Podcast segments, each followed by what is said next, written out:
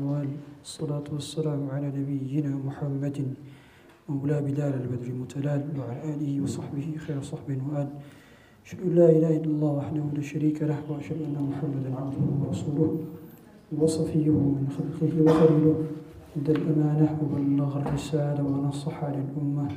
وكشف الله به الغمة وجاهد في الله حق جهاده حتى أتاه اليقين. وكان على محجة بيضاء. ليلها كنهارها. لا يزيغ عنها إلا هالك. اللهم صل وسلم وزد وبارك وكرم ومجد على عبدك ورسولك محمد صلى الله عليه وعلى آله وصحبه وسلم. فقال تبارك وتعالى يا أيها الذين آمنوا اتقوا الله حق تقاته ولا تموتن إلا وأنتم مسلمون. فقال عز من قائل يا أيها الذين آمنوا اتقوا الله وقولوا قولا سديدا يصلح لكم أعمالكم ويغفر لكم ذنوبكم ومن يطع الله ورسوله فقد فاز فوزا عظيما Hadirin sekalian, teman-teman yang dirahmati Allah Subhanahu wa taala. Pada kesempatan kali ini, insyaallah kita akan membahas berkenaan dengan fikih bersuci dan fikih salat. Dan ini adalah kedua hal yang paling dasar dan paling pokok dalam agama kita sehingga seseorang dalam menjalankan kewajibannya sebagai seorang yang beriman dia wajib untuk melakukan ibadah sholat jadi salah kalau misalkan kita menganggap bahwa apa namanya orang rajin sholat itu apa namanya uh, salah satu standar patokan dalam mencari jodoh itu enggak. Rajin kita rajin itu bukan bukan bukan bukan standar. Kewajiban. Orang sholat itu ya kewajiban. Karena orang standar kesolehan adalah sekedar rajin sholat itu bukan standar kesolehan.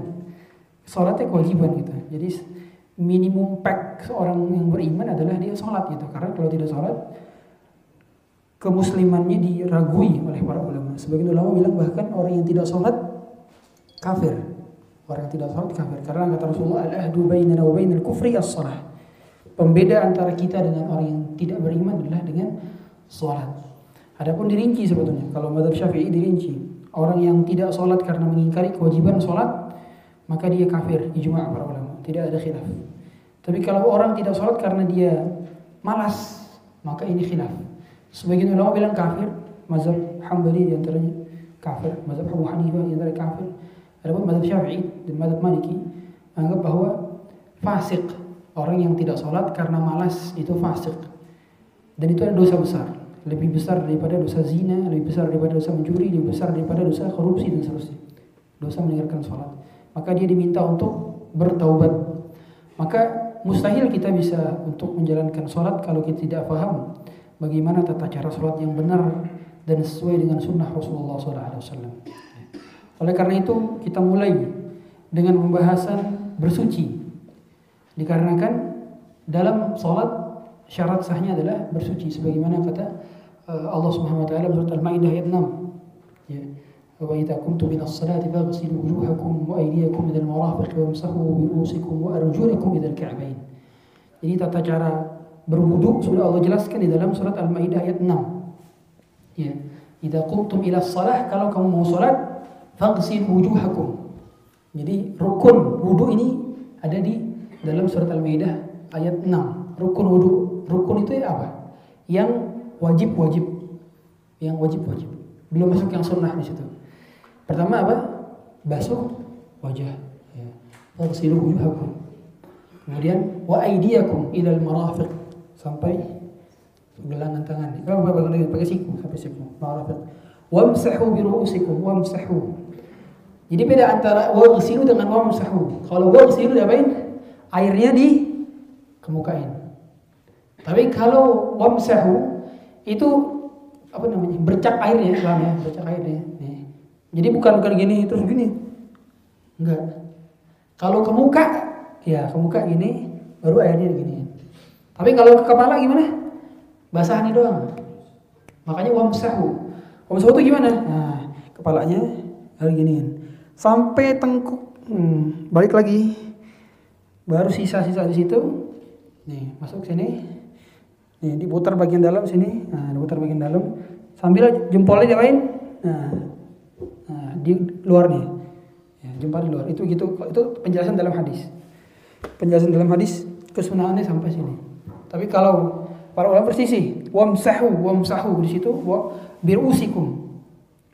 Uh, kalau mazhab Syafi'i itu wamsahu kan pakai ba, ba-nya di situ ba ta'lidul id. Maksudnya adalah sebagian. Jadi kalau sebagian rambut satu helai saja sudah sah kalau menurut mazhab Syafi'i. Begini, sudah sah kalau menurut mazhab Syafi'i. Tapi menurut jumhur ulama uh, harus minimal setengahnya, minimal setengahnya. Tapi yang abdul adalah sampai belakang, sampai tengkuk ya sampai kena ini ya. baru dibalikin lagi baru sisa-sisa itu nah, jadi ya, pakai pakai yang buat ke kuping. Jadi tangan sampai siku kemudian ini wa arjulakum. Nah, wa arjulakum. Wa arjulakum ini ngikut ke yang wajah. Jadi di dibasuh apa bukan di apa bukan dibasuh di di, di, di pakai air ya pakai air. Jadi sampai kaki wa arjulakum ila al sampai mana? Mata kaki. Sebagaimana kata Rasulullah SAW, Wailul lil aqab minan nar. Banyak orang wudhu nggak bener, akhirnya masuk neraka. Karena kenapa? Karena mata kakinya nggak kena, cuma gini-gini doang. Wudhu buka air keran gede gini-gini doang. Nah ini nggak bisa nggak kena. Gimana caranya? Ya betul-betul di, dipijit. Makanya jadi antara syarat wudhu, kalau menurut Madzhab Maliki itu didalk. Ada hadis Rasulullah SAW, Nabi SAW yudalliku ada yadayhi. Nabi itu bisa memijit. Mijit. Jadi wudhu itu bukan bukan gini doang tapi dipijit juga ah, betul-betul di make sure semua bagian bagiannya kena kita kenapa nggak sholat nggak apa nggak khusus sholat kita kenapa karena dari wudhunya aja udah nggak benar kan gitu. Coba wudhunya benar kita akan menikmati sholat tersebut. Kita akan merasa sholat ini sebagai penyejuk bagi hati. Kemudian uh, penghilang gundah gulana. Karena sholatnya bisa terasa nikmat kalau wudhunya benar Makanya eh, kata Rasulullah SAW, man asbaghul wudu, siapa yang dia dia melebihi batasan wudunya kan harusnya segini. Ya. Tapi dia lebihin sampai sini. Nanti di hari kiamat ini akan menjadi ghurra muhajjirin yaumul qiyamah, akan apa? bercahaya di hari kiamat. Begitu pula kalau harusnya kan sampai sini nih, harusnya sampai mata kaki doang. Tapi dia tambahin sampai mana? Sampai sampai betis, ya, sampai betis tambahin sama dia. Nah, itu akan bercahaya di hari kiamat. Jadi antara kekhususan umat Rasulullah SAW di hari kiamat adalah bagian-bagian wudhunya itu bercahaya. Kita wudhu itu bukan syariat Rasulullah saja, saja. Jadi umat-umat terdahulu udah ada wudhu. Jadi memang ada syariat-syariat yang khusus pada umat Rasulullah SAW. Di antaranya apa? Tayamum. Umat-umat dulu nggak ada tayamum. Kemudian syariat Rasulullah adalah apa? Sholat bisa di mana aja, kecuali di toilet. Ya. Kalau umat dulu mau sholat di mana? di masjid atau di gereja karena bukan gereja di, di tempat ibadah dulu orang-orang dahulu ya syariat dulu itu zaman dulu gitu kalau zaman sekarang di mana aja kata Rasulullah wa ju'ilat liyal ardu masjidin wa tahura dijadikan semua tempat bisa sholat dulu kalau sholat nggak sah kecuali di tempat sholat dulu misalnya syariat zaman dulu syariat sebelum Rasulullah SAW tapi di Rasulullah syariat yang mudah kemudian kalau taubat nggak ada penebusan dosa sederhana gitu jadi syariatnya beda ya. Nah, di antara syariat Rasulullah SAW adalah keutamaannya, kalau bahasa kita, privilege. Ya. Privilege umat Rasulullah apa? Nanti di hari kiamat, yang wudhunya benar dan yang wudhunya dilebihin, maka tempat wudhunya akan bercahaya. Makanya di antara uh, kesunahan bagi seorang yang beriman adalah dia selalu jaga wudhu. Kalau lagi batal, wudhu lagi, batal, wudhu lagi. Sebagaimana siapa? Sahabat, sahabat Bilal. Ya. Bilal itu dia jaga wudhu. Makanya dan Bilal punya kebiasaan apa? Habis wudhu langsung sholat. Makanya ada sholat sunnah wudhu. Habis wudhu langsung sholat. Kemudian kata Rasulullah, ini 'alaika. Aku mendengarkan suara terompahmu wahai Bilal di surga. Apa yang membuatmu bisa bisa ada terompah di surga? Berarti apa? Bilal dijamin masuk surga. Buktinya terompahnya udah di sana. Apa kok terompahnya bisa di luar di sana? Gimana ceritanya tuh Bilal? Rasul nanya ke Bilal. Maka kata Bilal, aku aku setiap kali wudhu langsung sholat. Maka Rasulullah memuji Bilal dan ini menjadi syariat bahwa habis wudhu langsung langsung langsung sholat. Nah, itu antara sunnah. Dan di antaranya adalah juga menjaga wudhu. Karena kata Rasulullah SAW, la yuhafidu adil wudhu illa al-mu'min. Tidaklah ada orang yang menjaga wudhu kecuali dia orang beriman. Nah, jaga wudhu. Orang yang jaga wudhu itu biasanya bercahaya, kelihatan mukanya. Dia nggak pakai skincare, nggak pakai, tapi bercahaya. Kelihatan cahaya. Makanya skincare paling nomor satu apa? Wudhu. air wudhu. Nggak tahu itu benar apa enggak ya. Maksudnya kalau uh, ini apa? Kalau kalau yang orang-orang bilang kayak gitu, itu benar apa enggak? Apa pakai skincare juga dia? Kemudian uh, wudhu ini, ya kalau rukunnya itu cuma empat aja tadi. Apa rukunnya tadi? Eh, basuh wajah, tangan, apa lagi? Rambut, terus apa lagi? Itu empat tadi. Betul, empat. Cuman niatnya kapan? Niatnya pas lagi cuci tangan apa gimana? Niatnya pas gimana? Pas basuh wajah. Karena startnya itu pas basuh wajah. Gitu. Tapi kalau sunnahnya, awal-awal sunnahnya gimana? Awal-awal sunnahnya kita nah, di tangan nih cuci tangan dulu. Sebagaimana kata Rasulullah SAW, "Idza qama ahadukum, idza stayqadha ahadukum." Ya, kalau, kata Rasulullah, kalau kamu bangun dari tidur, ya eh, jangan langsung masuk ke ke kolam untuk wudhu. Tapi ngapain dulu? Cuci tangan dulu. Cuci tangan dulu. Maksudnya gimana? Karena, karena dulu kan wudhunya itu di bak di bak yang dua kulah. Dua kulah itu 216 liter. Sekitar sekitar kolam satu kolam itu bisa dipakai wudhu di situ. Jadi kalau airnya dipakai kumur-kumur buang di situ lagi, itu masih sah buat wudhu. Kalau di atas dua kulah. Ya, tapi kalau kurang dari dua kulah nggak sah. Jadi kalau kurang dari kulah kita ngambil kemudian buangnya keluar. Nah, itu. Nah, cuci tangan dulu, cuci tangan dulu. Fa innakum la yadri aina batat yaduh. Karena kita nggak tahu nih, pas tidur tangan kita ke mana-mana kita nggak tahu. Barangkali itu najis. Ya, eh, barangkali barangkali juga apa namanya syaitan juga bermain di tangan-tangan kita. Ya, makanya ketika tidur sunnahnya ngapain? Sebelumnya wudhu, wudhu. Karena supaya dijaga. Kemudian baca apa? Ayat kursi. Kemudian ngapain? Baca tiga kol di tiup. Kemudian diusap ke bagian tubuh yang bisa kita usap. Itu di antara kesunahan-sunahan. Kenapa kok kita kok bangunnya susah subuh? Karena sebelum tidurnya aja nggak wudhu. Sebelum tidurnya aja nggak punya doa. Gimana mau bangun subuh? Wah, ketawa tuh biasanya tuh yang nggak bangun subuh. nah, makanya uh, perbaiki wudhu ini supaya ibadah kita lebih khusyuk dan diterima oleh Allah taala. Karena ada orang yang dia sholat bertahun-tahun. Dalam sebuah hari itu sholat 60 tahun. Dan 60 tahun ternyata nggak diterima sholatnya. Nah, diterima. Kalau nggak diterima kita buat amalan apa? Di hadapan Allah. In case ternyata ternyata kita menghadapi Allah Subhanahu wa taala. Kemudian ya Allah nggak punya amalan sama sekali karena sholat selama ini nggak benar. Wudhunya nggak benar, cepet-cepet.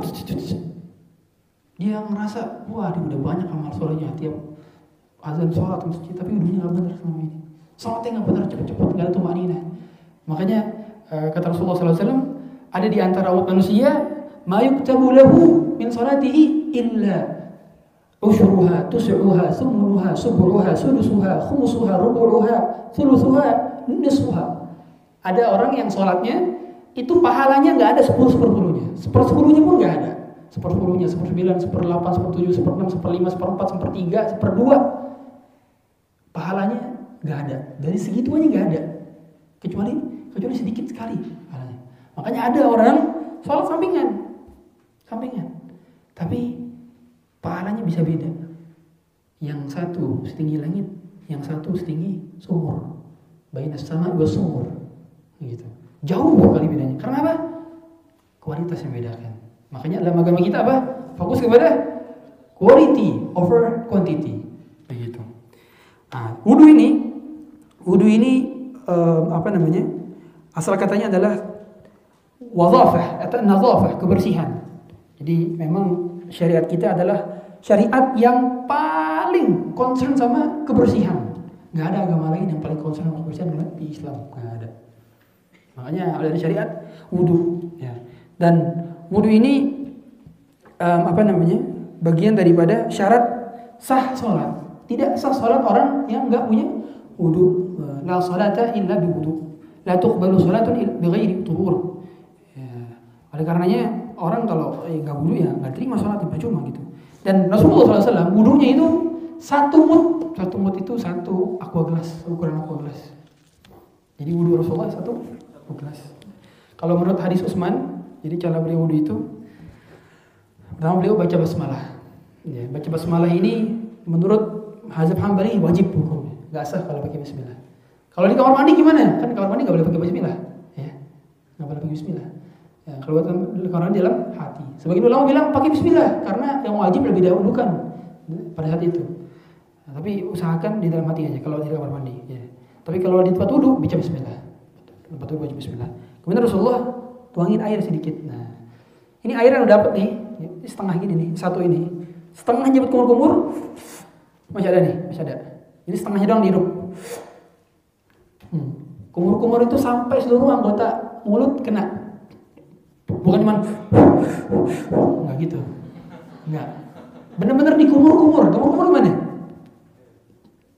Hmm. Sampai ujung-ujung kena. Dan itu setiap air yang masuk dan tersentuh dengan anggota tubuh kita kalau kita keluarkan keluarkan maka bergugurlah dosa kita sejumlah air yang tertetes daripada anggota tubuh. Bayangkan. Dosa kita banyak. Nih mata, telinga, mata kita ngeliat nggak benar, telinga ngeliat yang apa nggak dengar yang nggak benar, tangan nyentuh apa, banyak dosa. Maka setiap kali wudhu apa? Allah mengangkat dosa-dosa. Sederhana, mudah sekali wudhu. Ya. Kan? Nah, di kumur-kumur setengah. Hmm. Itu tiga kali. Usahakan dikit-dikit.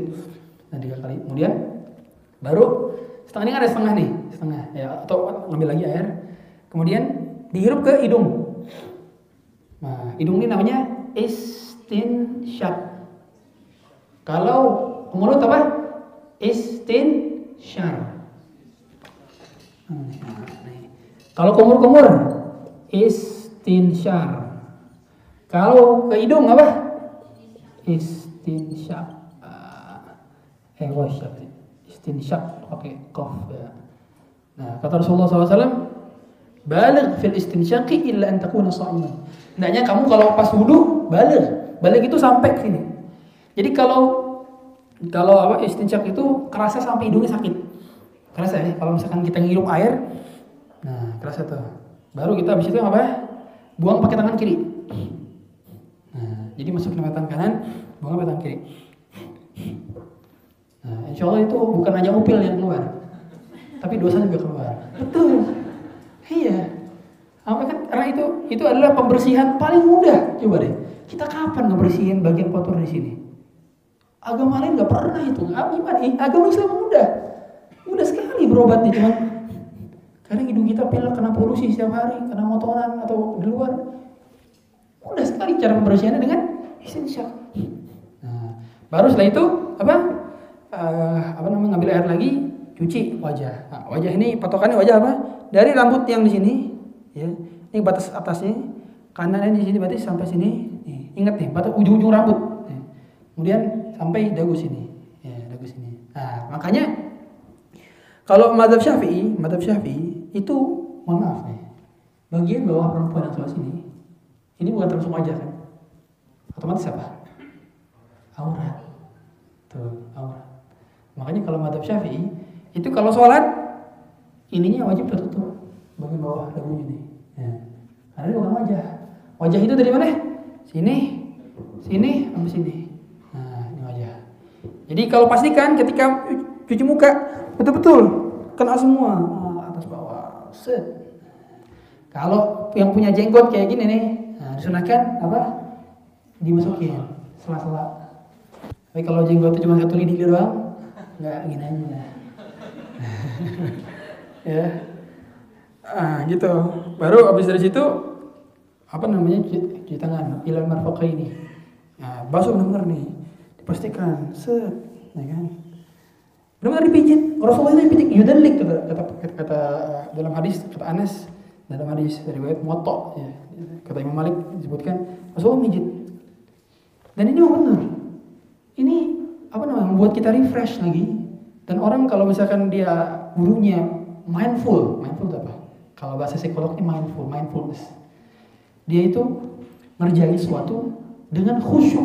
Nah, kalau bahasa kita kan khusyuk. Wudunya khusyuk. Orang sekarang banyak ke distract. Bahkan spend attention orang itu ketika sosmed itu cuma 5 detik. 5 detik dikit scrolling, dikit scrolling, scrolling, scrolling. Gitu kan, alihnya udah fokus. Coba kita lebih mindful sekarang.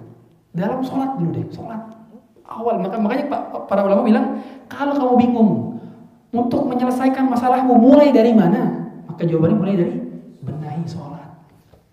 Itu. Kita bingung kadang-kadang, ya Allah, ini gimana cara keluar masalahnya bingung. Mulainya bingung, startnya bingung, nggak tahu mulai dari mana. Mulailah dengan pembenahan sholat. Coba sholat ini bentar Sholat benerin gimana? Wudhunya benerin juga. Nah, karena ini kita kait. Makanya fikih itu arah baru fikih sholat. Kan gitu. Ya. Kemudian benar-benar sampai siku kita ini apa namanya? Nah, ingat buka air kecil-kecil. Jangan gede-gede. Ya. Uh, karena kata Rasulullah, iyyakum wal israf. Jangan kalian boros. Walau kana fi nah nari apa uh, bahkan nggak boleh di air yang mengalir seperti di sungai. Sungai ada air. Kita aja nggak boleh israf di situ, nggak boleh boros pakai air sungai. Kalau lagi wudhu, bahkan air sungai ini nggak boleh boros, apalagi air keran. Makanya kalau bukan keran dikit aja dikit cukupnya. Biar gede-gede. Ya. Rasulullah cuma itu pakai satu mut, satu mut, seukuran satu aqua gelas. Coba kita praktekin. Kan kalau kita praktekin gimana di rumah? Pakai setengah air di gayung. Nah, coba di gayung ciduk setengah. Gimana caranya itu habis? Jadi pakai gayung, nah kita ciduknya di gayung tersebut, di gayung. Jadi bukan pakai keran. Kalau misalkan kalau ada debak gitu rumahnya. Nah, tapi kalau misalkan pakai keran, maka buka sedikit. Nah begitu lagi basuh, ini kan nyala nih kerannya, tutup dulu, basuh dulu, basuh, nikmatin, dinikmatin tuh nikmatin, ibadah tuh nikmatin. Gimana kok kita nggak nikmatin kan dapat pahala ini, ya? Dapat pahala harusnya nikmatin dong. Lagi dapat pahala nih, argo pahala lagi jalan nih. Oh semakin begini dosa-dosa ngalir. Ya Allah ngalir, ngalir, ngalir. Ya kan? Kemudian baru di atas kepala. Ingat. Bahkan uh, sebagian ulama menganjurkan setiap ini tuh kita berdoa dalam hati, mengingat-ingat dosa, kemudian berdoa sambil dalam hati Allah semoga ini terjaga dari api neraka. Ya kan? Kemudian telinga ini semoga semoga hanya diperdengarkan dengan yang baik-baik saja gitu kan. Baru yang kaki gitu. Itu tata cara wudhu yang sederhana dan banyak di antara kita lalai daripadanya. Saya yakin sebagian di antara kita apa namanya uh, sudah paham tata cara hanya saja bingung gitu kan bingung karena karena belum di refresh lagi. Kemudian uh, di antara sunnah sunnah wudhu kita masuk dalam sunnah. Kalau rukun wudhu cuma empat doang. Eh, tadi rukun wudhu uh, cuma empat. Eh, empat. Tadi ya apa wajah kemudian tangan, yadain. Kemudian ras. Eh, kemudian rijlain. Rijlain ila ka'bain. Nah, ini. Ini jadi kepala apa? Wajah, tangan, kepala sama kaki. Itu rukunnya cuma ini dong, sederhananya. Tapi kita nggak pengen cuma rukun doang kan. Jangan sampai mindset kita ya rukunnya cuma empat ya udah nggak usah cuci tangan langsung aja muka. Nah, jangan rugi. Karena yang sunnah juga berpahala. Kita nih umur singkat, masa yang sunnah nggak diamalkan?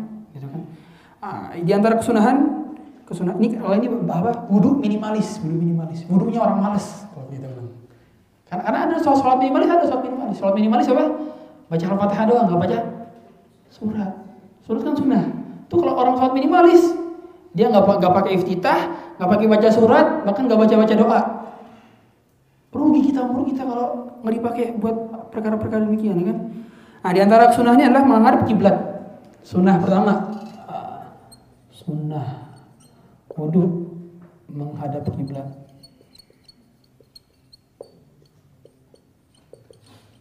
yang kedua yang kedua adalah bersiwak siwak nah, kalau siwak menurut madhab syafi'i dan hambali maksudnya adalah apa pun yang bisa digunakan untuk membersihkan gigi. Ya, jadi Rasulullah SAW itu senang-senang dengan siwak. Beliau aja ketika meninggal dunia, beliau nyari siwaknya. Ya, sampai-sampai uh, apa namanya adiknya dari Aisyah, ya, Abdurrahman, Abdurrahman bin Abu Bakar. Itu pas lagi ngunjukin Rasulullah sakit, minjem. Rasulullah minjem siwak Abdurrahman. Kemudian karena di Madinah kotanya kering, maka Aisyah ngapain? basahin, basahin yang giginya Aisyah. Jadi air liur Rasulullah bercampur dengan air liur. Yang beruntung siapa? Abdurrahman. Abdurrahman bin Abu Bakar beruntung gak? Karena siwaknya bekas air liur Nabi. Akhirnya orang berkah, akhirnya Ya. Maka pada saat itu akhirnya Rasulullah siwak. Sebelum meninggal dunia sempat siwak. Rasulullah itu sebelum masuk rumah ngapain dulu? Siwak ke depan rumah. Make sure supaya nggak ada bau mulut. Itu tanda apa? Ada hak pasangan terhadap kita. Nah, para suami nih, udah jadi suami, ingat, Anda memang punya memiliki memiliki hak untuk menikmati istri Anda. Pengen istri tapi cantik, tampil wangi, nggak bau ketek, nggak bau mulut, enggak. Tapi ingat juga, istri Anda memiliki hak terhadap Anda. Jadi kalau pulang ke rumah, minimal cuci muka dulu lah. Jangan peluk-peluk dulu. Cuci muka dulu, pakai parfum. Rasulullah sebelum masuk ngapain? Siwakan. Bahkan dalam beberapa riwayat beliau pakai parfum. Wangi, tampil wangi. Gitu. Nah, Rasulullah siwak. Bahkan kata Rasulullah, "Laula ana syuqqa 'ala ummati amartuhum bisiwakin ma'a kulli wudu." Kalau seandainya aku tidak memberatkan umatku, aku akan perintahkan sehingga hukum siwak menjadi wajib. Tapi Rasulullah takut memberatkan umatnya. Sehingga hukum siwak menjadi sunnah. Dan para ulama sepakat, sholat dengan sebelumnya bersih giginya lebih utama dibandingkan sholat tanpa siwakan. Siwakan di sini masih gigi. Maka saya pribadi sebelum sholat saya usahakan untuk kamar mandi sikat gigi. Ya. Setiap kali mau sholat gigi bersih. Misalkan kita repot bawa siwak, ya. Dan makanya uh, siwak itu sebenarnya lama khilaf. Kalau siwak itu boleh dipas di masjid nggak? Nah, karena takut takut para orang-orang itu ya, jijik. Tapi Rasulullah SAW pernah siwakan di masjid Nabawi, ya secara umum. Kemudian yang ketiga adalah baca basmalah. Nah, basmalah ini di awal, di awal ya, pas pas kita apa di tangan. Nah ini harus mindful juga nih, betul-betul tangannya kita basuh ini.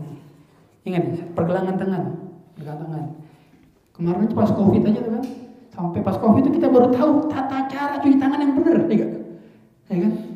Ada apa ada tutorialnya gini-gini, ya ingat gak? Gini-gini, gini-gini.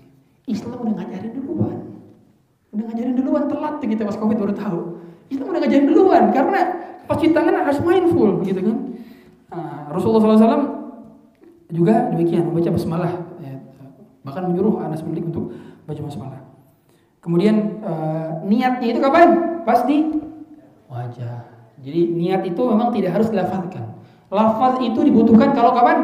Kalau dia punya penyakit was was. Nah, jadi nawaitu usulli itu tuh hanya untuk orang-orang yang punya penyakit was was sebetulnya. Karena niat itu dalam hati betulkannya. Kata Imam Nawawi, an-niyatu mahalluha al-qalbu. Niat itu dalam hati.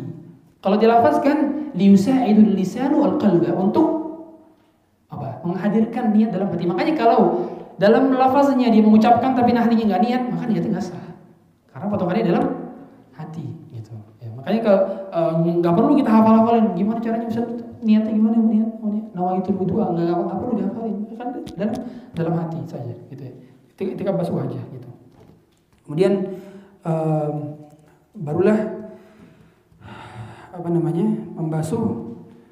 Kalau ini telapak tangan ini bagian daripada ini ya, bagian daripada kewajiban karena di bagian daripada sini juga kan sini tangan hampir fak. Baru nih yang tadi nih sama sensor ini empat, nah ini lima. Nah, sensor kumur-kumur, istinsak apa? Istinsak itu masukin air ke hidung. Kemudian kalau di antara kesunahan kesunahannya juga adalah mengasup seluruh kepala. Nah, seluruh kepala. Nah, kalau rukunnya itu sebagian kepala, rukunnya sebagian kepala, minimal setengah lah yang lebih afdal. Kalau sunnahnya semua kepala, hmm, semua kepala. Ya. Kemudian apa? Basuh telinga. Nah, kalau telinga ini memang sunahnya pakai apa? Pakai air yang baru, bima yang jadi. Jadi, jadi begitu kepala. Nah, usahakan kita ambil air lagi. Baru gini. Nah, ingat nih. Nih, ini gini. Telunjuknya dikedalamin, diputer sesuai dengan apa yang dalam. Kemudian terakhirnya, nih, jempol. Nah, pijit keluar. Gitu. Ya. Jadi mengusap telinga. Kemudian menyela jenggot menyela jenggot menjadi takhrirul lihyah al-kathah kalau dalam bahasa Arab ya. selak, jenggot. Nah, jadi kalau kalau bagi yang apa? Kalau bagi yang jenggot lebat, ini wajib disela jenggot bagian dalam nih. Karena ini kan bagian wajah, ya kan? Sedangkan nggak kena. Kalau misalkan cuma sekedar doang. Ya. Yang yang maksud lebat adalah yang tidak kelihatan kulitnya. Kalau saya masih kelihatan kulit kadang-kadang, masih kelihatan kulit bagian dalam. Itu kalau nggak udah udah nggak kelihatan kulitnya, itu tebel, tebel berarti harus di disela-sela, ya, sela gitu. Dan kesunahan kemudian mendahulukan bagian kanan. Nah, mendahulukan bagian kanan. Nah, jadi yang kanan dulu baru yang kiri. Semuanya yang bisa ada dahuluan kanan karena kata Rasulullah Rasulullah itu yuhibbut tayammuna kata Aisyah. Rasulullah itu senang ngedahuluin yang kanan sampai-sampai sisir aja fit tana'ulihi wa tarajulihi. Kalau nyisir itu yang kanan dulu. Meskipun style Rasulullah apa? Belah belah tengah. Tapi Rasulullah bagian kanan dulu. Ya. Kanan berarti di sini kan. Berarti kalau nyisir tuh sini. Kita kebanyakan nyisir belah kiri, ya kan? Ya kan kiri sih, kiri kan sih. Nah, ini harus kanan dulu ingat kanan nih. Kanan baru kiri. Gitu. Sesuai sunnah. Pakai sendal juga kanan dulu. Nih kalian ingat kalau pakai sendal masukin slop pertama apa? Kanan. Yang lepas pertama kali apa? Kiri. Jadi gini masuk, head, lepas tak, gitu. Gitu ya. Itu antara sunnah tuh. Nih kita harus ngapalin sunnah, semangat ngapalin sunnah kan role model kita Rasulullah. Kalau kita role model kita Rasulullah, ya udah berarti semua hal tentang Rasulullah kita senang ngelakuinnya. Gitu harusnya. Ya, jangan kebalik. Yang role model lain kita tahu, jangan. Kemudian um, mengusap tiga kali. Nah, setiap tiap rukun tiga kali. Sebenarnya kan sunahnya cuma basuh satu kali. Eh bukan sunahnya, rukunnya satu kali. Tapi sunahnya adalah sampai tiga kali. Tas taslis namanya, basuh tiga kali. Kumur-kumur tiga kali, isincak tiga kali, wajah tiga kali yang enggak tiga kali apa? Kepala. Nah, kepala satu kali. Satu kali gitu ya. Satu kali. Meskipun para ulama juga bilang ada yang tiga kali ya. kalau hadis Utsman di dalam Nutul Ahkam ya, itu beliau satu kali kalau kepala. Jadi memang hadis-hadis berkenaan itu banyak. Makanya uh, sifat sholat Nabi itu banyak ulama membahasnya. Tapi yang dibahas secara satu khusus satu doang kitab khusus bahasa Nabi antaranya kalau kontemporer Syekh Albani. Syekh Albani punya sifat salat Nabi sallallahu alaihi wasallam ka'annaka taraha. Sifat salat Nabi seolah-olah kamu seperti melihatnya dengan kepala mata kamu sendiri gitu. Itu di antara Korea kontemporer. Tapi kalau ulama-ulama klasik terdahulu sebenarnya udah nulis banyak kitab salat Nabi, kita cara Nabi salat gimana, udah nulis. Cuman mereka nggak secara spesifik nulis satu kitab doang, tapi udah dibahas dalam kitab fikih mereka. Sebagaimana contoh Imam Nawawi dibahas di mana? Di kitab Majmu' Syarah Muhadzab 27 jilid. Nah, 1400-nya tentang sifat sholat Nabi dan juga tentang dalil-dalilnya. Ada juga Al-Mughni Ibnu Qudamah. Ada 10 jilid Ibnu Qudamah ya, kitab ini. Dibahas sifat Nabi ya, itu 500 halaman di situ dibahas atau 700 halaman dibahas. Ada ulama yang udah nulis semua kita di setiap mazhab udah. Cuman di antara ulama kontemporer yang menulis satu khusus kitab adalah Syekh Albani ya. Dan itu banyak udah jadi rujukan di zaman sekarang. Tapi secara umum itu perkara istihadiyah, perkara istihadiyah. Ya. Kemudian berdoa setelah wudhu udah beres wudhu, doa. Doanya mana ke mana? Ada kiblat. Kita doanya gimana? Gimana doanya? Asyhadu an la ilaha illallah wa anna Rasulullah. Terus Allahumma ja'alni minat tawabina wa ja'alni minal mutatahhirin. Itu doa. Kata Rasulullah uh, dia akan dimasukkan ke dalam surga dan dia akan suruh milih surga mananya yang dipilih dan apa dibukakan pintu surga yang berapa? Berapa total pintu surga? 8. Abwabul jannati tsamaniyah yadkhulu min ayyiha sya. 8 pintu surga. Bebas mau masuk ini. Sederhana dulu doang. Makanya ada perlu nyusun tuh kitab berkenaan dengan amalan-amalan yang mudah dan sederhana, tapi pahalanya luar biasa. Salah satunya adalah wudhu. Beres wudhu baca doa. Kemudian apa lagi? Jawab azan. Kemudian apa lagi? Memulai salam. Kemudian apa lagi? Eh, jabat tangan sama sama kalau teman. Itu tuh dosa. Nah, turun bawah, guguran, guguran. Tapi yang mama non mahram nggak boleh, nggak boleh, nggak boleh. Ya. Ah, kemudian adalku, adalku, nah, adalku yang ke sepuluh, pijet, pijet. Kalau bahasa Arabnya dalku, adalku, ah, gini terusannya. adalku. Adalku. Ini pijat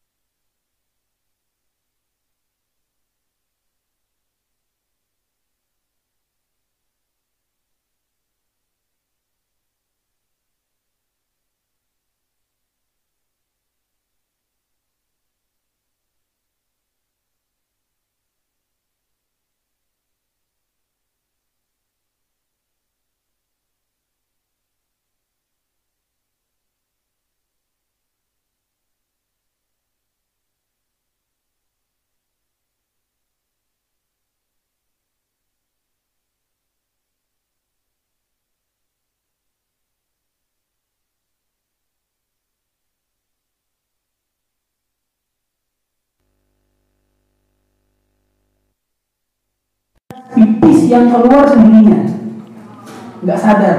Penyakit nah kalau mandi ini apa? Wajib? Mandi. Mandi besar. Kalau yang kedua ini mandi dan mandi. Wajib? Wudhu mandi najis ya enggak najis. Yang kedua ini najis ya najis najis. Jadi kedua ini kalau keluar dia najis tapi dia tidak wajib mandi. Dia cuma apa wudhu aja. Dia ada kecil. Sama seperti apa seperti seorang yang sedang keputihan. Keputihan itu kalau keputihan, nah beda lagi nih keputihan. Keputihan. Nah, keputihan ini kalau dalam istilah fikihnya dinamakan rutu batul farj. Rutu batul farj.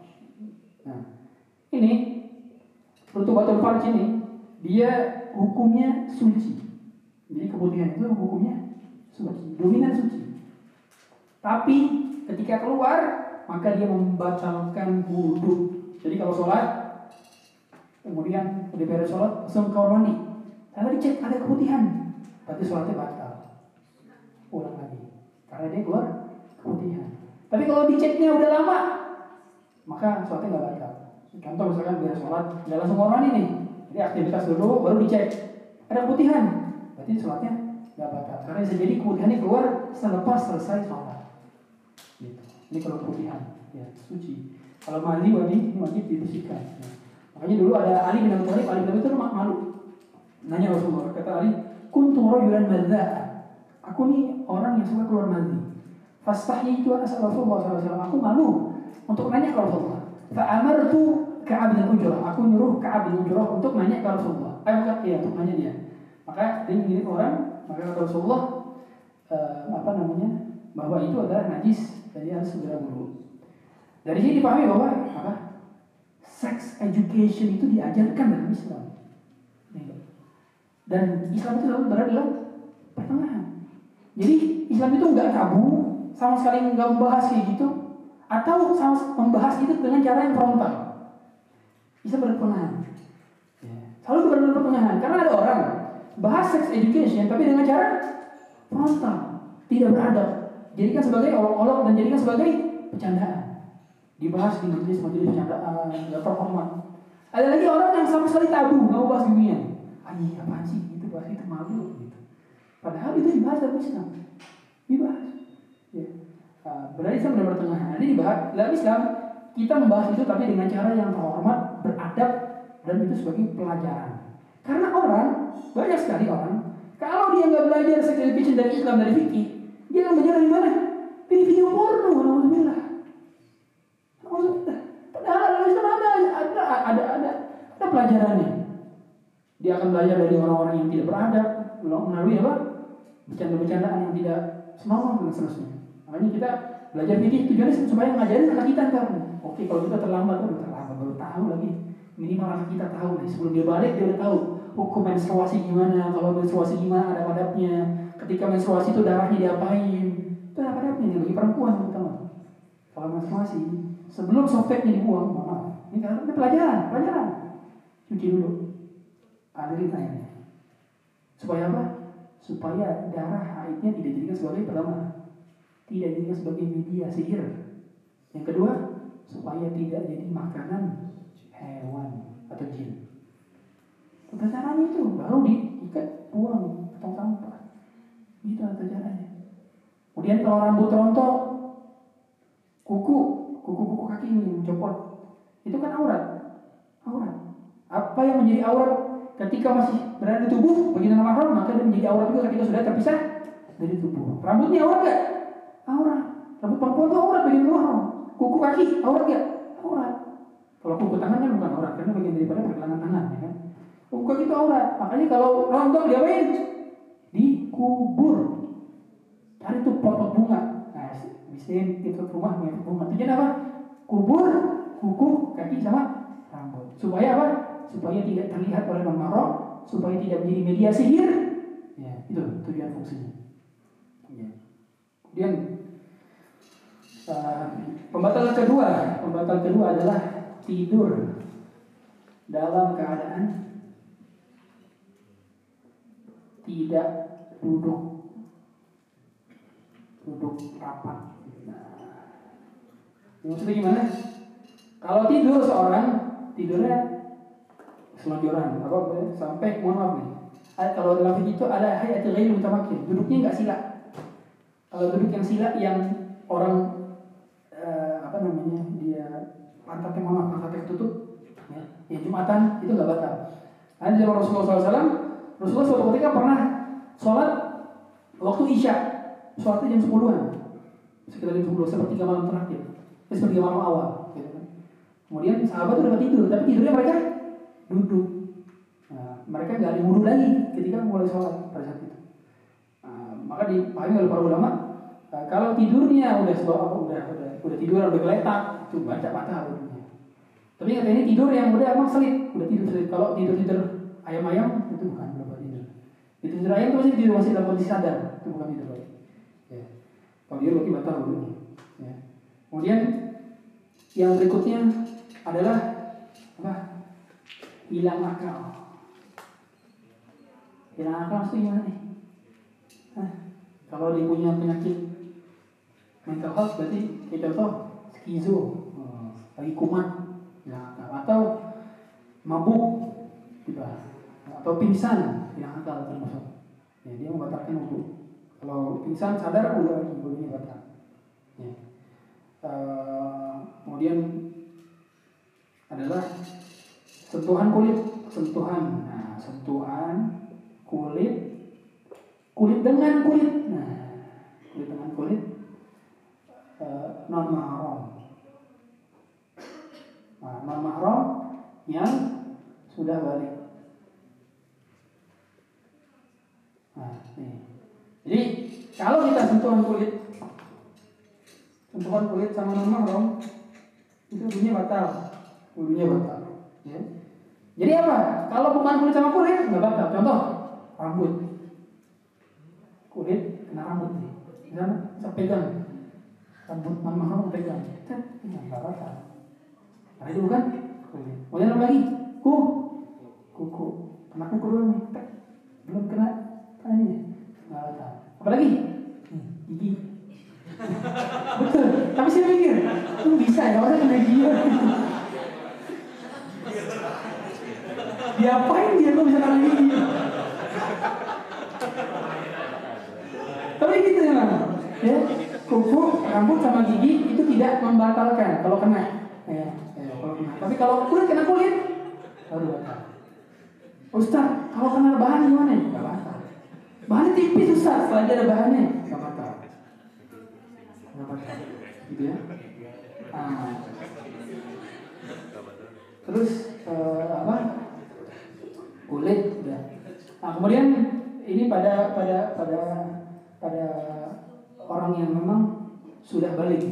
Jadi kalau belum balik anak kecil, anak kecil itu anak kecil nggak batal. Cuma anak kecil yang mahrum nggak batal, nggak batal. Tapi para ulama sampai para ulama persisi kalau dia sudah sudah usia yang memang apa namanya sudah usia tamiz usia tamiz sudah tujuh tujuh delapan tahun sembilan tahun. Itu kan usia udah udah usia tamiz meskipun belum balik tapi para ulama bilang tetap batal tetap batal karena itu mustah mustah itu ada sudah ada syahwat sudah ada syahwat. Itu. Kalau umur segitu. Makanya memang apa? Anak-anak yang usia 8 tahun 9 tahun hendaknya sudah diajarin pakai hijab. Kalau yang umur segitu. Karena ketika dia sudah balik, dia sudah wajib. Jadi kalau misalkan awal-awal umur 7 tahun, 8 tahun, diajarin. Sesekali lepas gerah nggak apa-apa, nggak apa-apa. Masih gerah nggak. Tapi kalau sudah 9, balik langsung. Sama seperti ngajarin sholat ke anak-anak. Ya. Kata Rasulullah, muru auladakum sholati wa hum aba'u sab'u sinin. Abna usah sini. Ajari anak sholat, perintahkan sholat apa? Tujuh tahun. Wadribuhum alaihi hum abna wasyar. Dan pukul mereka kalau sudah 10 tahun. Jadi memang dalam agama kita itu ada training sebelum balik. Sebelum balik ngapain? Ajaran sholat. Supaya ketika sudah balik, dia udah ngajarin sholat. Jangan diajarin sholatnya pas balik. Telat. Telat. Makanya hijab itu jadi kapan? Sebelum balik. Sebelum balik tuh udah ajarin. Sebelum menstruasinya beda tata cara gimana kamu jadi ibu, tata cara kamu nanti gimana kalau misalkan menstruasi, tata cara kamu gimana berhadapan dengan mahram dia ajarin itu. Jadi sex education kapan? Sebelum balik. Kita tepat sekarang, kita ngajarin anak kita sudah balik, dia udah telat. Dia udah kewajiban itu udah mukallaf statusnya, udah terbebani dengan syariat. Sebelum itu makanya education itu penting. Nah sekarang kita telat mengajarkan kepada mereka gitu ya. Kemudian menyentuh kubul, nah, menyentuh kubul, menyentuh kubul dan kubul, menyentuh kubul dan dubur. Ini menyentuh dan dubur ini sebagaimana hadis Rasulullah SAW man masa zakarahu. Siapa yang menyentuh zakarnya, maksudnya partnya, maka dia berwudu. Nah, dikiaskan dengannya adalah dubur, dubur. Jadi kalau bagian dubur itu yang maaf ya, maaf, itu yang bagian halakahnya. Ya, kalau bagian sininya enggak. Oh, paham ya, paham ya. Saya contohnya.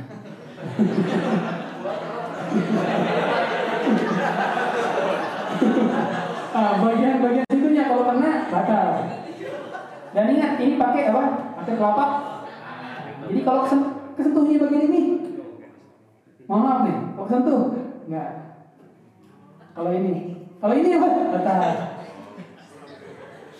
Jangan ketawa. Tapi begitu, memang harus begitu. Saya jelasin. Ya. Nah, ini secara umum, secara umum itu baru membatalkan. Ustaz, bagaimana Ustaz kalau sentuh suami istri? Ini khilaf para ulama. Khilaf para ulama ya. Kalau Madzhab Syafi'i bilang batal. Madzhab Syafi'i bilang batal. Karena kan apa? Suami istri itu kan bukan mahram. Apa itu makna bukan mahram? Apa? Yang boleh dinikahi. Apa itu mahram? Karena dinikahi. Ingat ya mahram bukan muhrim. Kalau muhrim orang pakai kayak ini haram. Beda. Ya, kebanyakan sekali kita, eh bukan muhrim, bukan muhrim. Salah, bukan mahram. Ya, bukan mahram. Kalau mahram adalah orang yang boleh dinikahi. Kalau mahram orang dia boleh dinikahi. Nah, istri boleh nikahi gak? Boleh, berarti jadi istri. Berarti bukan mahram kan gitu. Nah, Ma'adzab Syafi'i bilang batal kalau kena. Dalilnya apa? Dari karena audah mas tumun nisa dari tadi. Ya, dalam surah Maidah itu. Karena kalau kamu menyentuh maka jadi batal. Cuman azab lain berpendapat bahwa oh ada hadis yang menyatakan bahwa Rasulullah SAW itu pernah cium istri-istrinya sebelum berangkat ke masjid dan beliau tidak wudhu lagi. Tapi Madhab Syafi'i menganggap hadis itu doa Ya. Ustaz juga ada hadis yang menyatakan bahwa dulu Aisyah pernah sholat, eh, uh, Rasulullah lagi sholat, karena kan kamar Rasulullah itu kecil banget. Ini kalau kita lihat ke Masjid Nabawi, kita lihat ukuran denah Rasulullah SAW itu kecil banget. Ini luar biasa kecil banget. Nah jadi kalau Rasulullah sholat itu nggak muat sampai-sampai Aisyah itu nggak apa, kalau lagi tidur Aisyah semajuan kakinya. Begitu pas sujud Aisyah apa namanya tekukin lagi kakinya. Saking sempitnya. Nah, Rasulullah ketika itu karena gelap nggak ada lampu, karena Rasulullah pegang kakinya Aisyah ketika sedang sujud. Jadi pas sujud kaki dulu, baru Aisyah lipat kakinya baru itu sujud. Ketika Rasulullah sedang berdiri, maka Aisyah sambil kakinya. Ya, pas tersebut. Nah, di sini pahami juga kalau kata jumhur ulama, ini kata jumhur ulama, itu nggak batal karena buktinya Rasulullah pernah nyentuh tuh kakinya Aisyah. Tapi kalau Madzhab Syafi'i bilang, oh itu nyentuhnya di atas kain. Karena bisa jadi pakai selimut. Gitu. Itu khilaf ya kalau. Kalau saya pribadi saya berhati-hati. Jadi kalau saya sentuhan wudhu sama, sama istri saya, saya wudhu lagi biasanya. Saya berusaha berhati-hati. Tapi kalau mau mengambil pendapat yang lain, pendapat Madzhab Hambali silakan. Silakan gitu. Um, kemudian kita masuk ke dalam bab sholat. Nah, ini kan itu fikih bersuci dan sholat. Ya, sholat kita. Kita dalam bab sholat. Ya. Nah, sifat sholat. Jadi um, sholatnya Rasulullah SAW itu beliau beliau itu ketika praktek sholat beliau itu berdiri di atas mimbar. Jadi benar-benar kalau kita lihat di sepeda nih benar-benar satu caranya dia atau kata beliau selalu kama itu muni sholatlah sebagaimana aku sholat. Jadi Rasulullah itu ternyata mempraktekin likai tak temu bi walita'allamu salati kata beliau. Aku seperti ini supaya kamu betul-betul kalau kalian betul-betul ngelihat gimana cara sholat yang benar. Beliau belajar sholat di mana? Malaikat Jibril. Malaikat Jibril yang nyontohin langsung. Dalilnya mana? Ketika Isra Mi'raj, Malaikat Jibril turun, kemudian sholat apa pertama kali yang diwajibin? Sholat apa? Nah, pas seperti waktu itu, sholat apa? Zuhur. Zuhur. Jadi startnya itu zuhur. Karena beliau kapan? Turunnya kan sebelum subuh. Nah pas subuh itu Jibril udah datang, udah datang. Turunnya pas waktu sudah mau apa namanya tergelincir matahari. Baru diajarin sholat pertama kali sholat zuhur. Siapa yang jadi imamnya? Jibril. Diajarin itu sholatnya Jibril. Jibril bilang itu gak selalu kamu orang itu muni maksudnya ibadah Rasulullah. Jadi riwayatnya sama bersanad lah Ya, barulah Rasulullah mengajarkan kepada para sahabat tentang cara sholat. Rasulullah berdiri sini baru sholat benar. Dan para sahabat makanya ketika melihat menyaksikan Rasulullah sholat itu betul-betul kelihatan. Oh begini cara sholatnya. Gitu. Makanya para ulama berusaha mereka mengumpulkan hadis-hadis sahih berkenaan dengan sifat sholat Nabi Shallallahu Alaihi Wasallam. Ya. Dan um, sifat sholat Rasulullah Sallallahu Alaihi Wasallam ini, ya, uh, para ulama memang membaginya ada sifat sholat minimalis, ada sifat sholat yang sempurna. Gitu. Ada sifat sholat minimalis itu ada hadis sifat sholat musik sholat orang yang sholatnya nggak benar. Ya. Uh, jadi ada orang sholat nggak benar, buru-buru. Kemudian balik balik Rasulullah, Salli fa inna lam tusalli. Kamu sholat lagi karena kamu belum sholat. Di sholat lagi, masih nggak benar sholatnya. Kemudian kata Rasulullah, Soli fa inna kalam soli berulang kali dia sholat akhirnya begitu terakhir baru dia di-approve oke benar sholat. Nah si sholatnya orang ini ini menjadi patokan sholat minimalis. Maksudnya sholat yang jadi rukun-rukunnya aja. Ya. Jadi orang ini orang Arab Badui ini ya, banyak banyak banget pelajaran dari orang Arab Badui. Orang Arab Badui itu di antara cirinya adalah dia nggak malu bertanya. Jadi kalau sahabat Nabi itu canggung nanya Nabi. Canggung. Tapi kalau orang Arab Badui datang ya Muhammad kadang nggak pakai Rasulullah ya Muhammad bagi duit. Ya tidak mau dilahi dari indah bagi duit. Coba. Ya betul gitu. Kadang-kadang narik selendangnya Nabi sampai-sampai leher Nabi apa merah ditarik nggak sopan banget. Tapi terkadang para sahabat tenang ketika Nabi datang. Kenapa karena bisa dapat faedah dapat faedah ilmu karena makanya faedah di antara faedah orang ada yang bertanya apa? Orang yang enggak dan orang yang bertanya dapat faedah ilmu dari pertanyaan tersebut gitu. Itu di antara faedah bertanya gitu. Makanya dulu kita orang yang bertanya. Ya. tapi di sini kira-kira ada yang ada baduy gitu.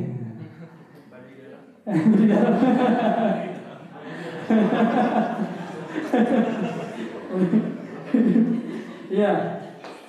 Um, nah kemudian uh, berkenaan dengan dengan dengan sholat ini pertama sholat rukunnya pertama apa? Niat. Rukun sholat. Rukun rukun sholat itu niat. Niat ini dalam hati ya, dalam hati. Kalau sholat zuhur sholat zuhur. Kalau sholat asar sholat asar gitu. kemudian rokaat disebutkan gitu kan. Kemudian uh, fardu atau sunnahnya disebutkan di dalam hati. Tidak perlu lafal tanda niat hukumnya sunnah bagi orang yang was-was. ya. Kemudian uh, dalilnya apa? Dalilnya adalah dalilnya kita tahu semua ini nama amalu itu hadis yang kata Umar bin Khattab mencakup setengah agama. Karena hampir seluruh syariat dibangun di atas niat. Semuanya tergantung niatnya. Kita niatnya apa nanti kita niatnya apa gitu. kemudian yang kedua berdiri bagi yang mampu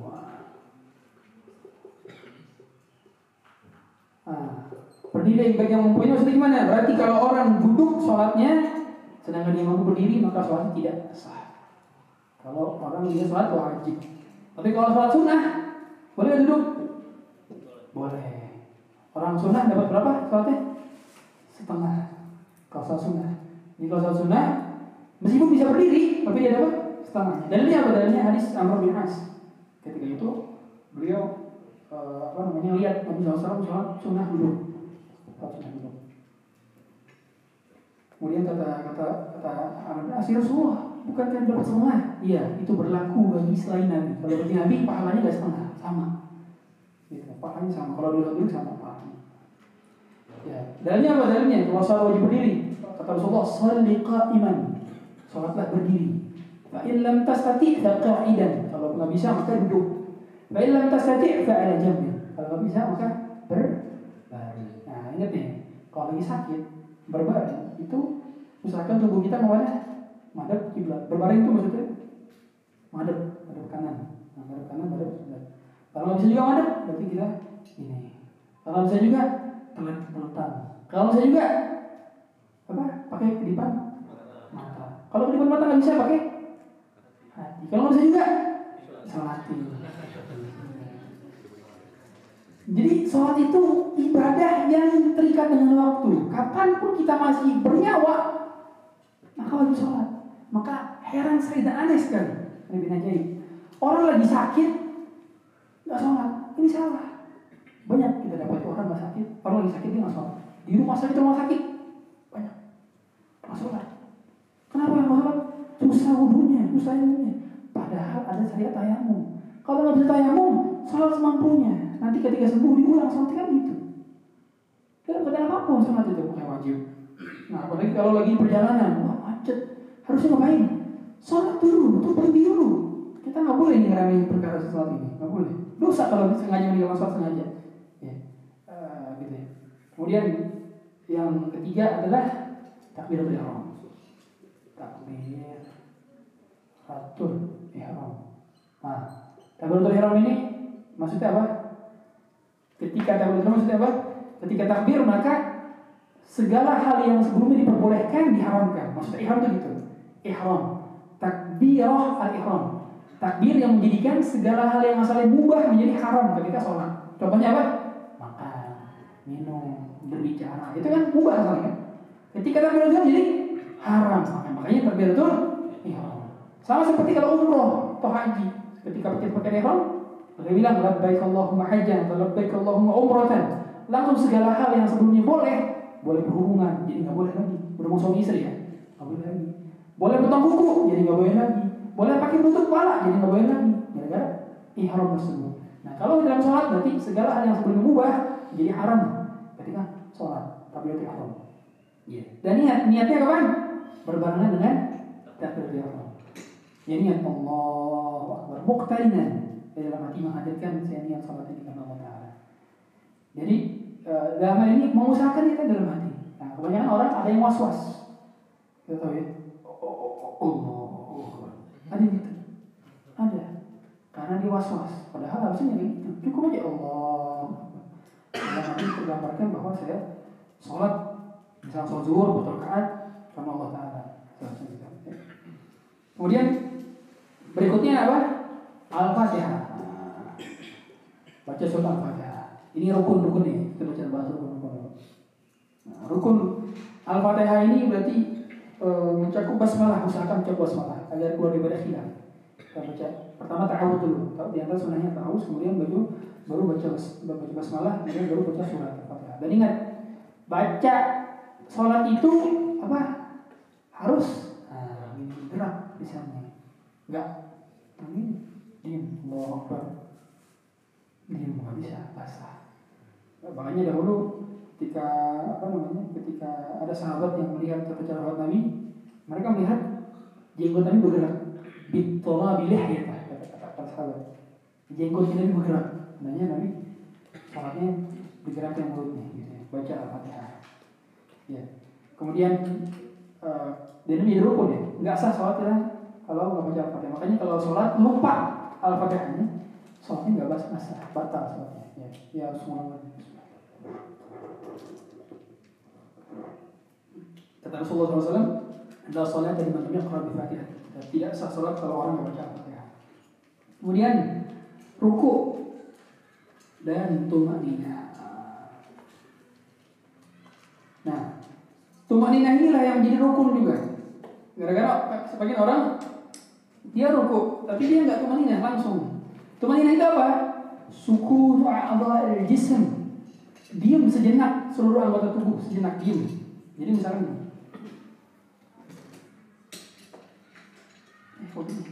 Nah, jadi diam. Ketika ruku maka harus semuanya diam sempat sempat diam sejenak diam. Nah ini diam sejenak. Jadi nggak langsung. Nah ini nggak sempat diam. Begitulah itidal, itidal diam sejenak. Sami Allah Diam sejenak. Sempat diam sejenak. Nah, Tapi ingat takbiratul itu kedua tangan menghadap kiblat. Di dalam sebuah hadis hadamang kilai. Nah, yaitu sejajar dengan apa nih? Pundak. Jadi gini. Ini menghadap kiblat. Ininya sejajar dengan daun telinga. Jadi bukan begini. Bukan juga gini. Bisa. Bukan ini juga. Sebagian orang ada yang udah belajar belajar dari sholat Nabi. Oh, jadi gini. Nggak ada segini, nggak ada, nggak ada segini. Segini nggak ada. Minimal segini. Jadi dalam sebuah hadis segini atau segini. Nih, seukuran ini, ya, segini atau segini. Dan ini madhab kiblat, ingat madhab kiblat, kiblat, madhab kiblat. Kalau gini, berarti madhab mana? Nah, Makanya bukan gini, bukan. Tanya hari ini. Gini, madhab kiblat. Ya. Ini direnggangkan kayak gini, kayak gini. Agak renggang dikit. Yufaraj bainahuma. Renggangkan. Ya, baru gini. Langsung gini. Dan nggak perlu putar-putar. Yang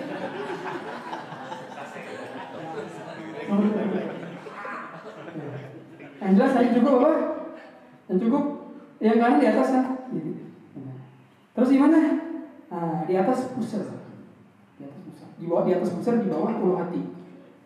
Nah, jadi bukan gini, bukan gini. Karena kayak gini ya, nggak paham. Gini ya, di bawah ulu hati, di atas pusat. Nah, ini yang kita renggangkan. Begini, begini juga. Tapi renggangkan biasa. Ya. Ini sederhana kan, sederhana. Tentang itu Allah Akbar. Nah, kalau kita jadi makmum, nah, kita ini baru mulai ke rukun berikutnya kapan? Pas imam bilang bar, dicontoh, misalkan pas lagi pas lagi apa? Imam ruku misalkan, kan apa namanya?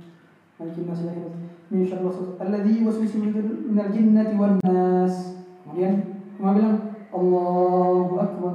Nah kita tuh jangan rukunya itu tapi jangan pas imam bilang Allahu, tapi apa kapan bilang nah Allahu Akbar. Nah, kita ruku. Sami Allahu liman hamidah. Dahnya baru Paham ya? Pas beres dah bar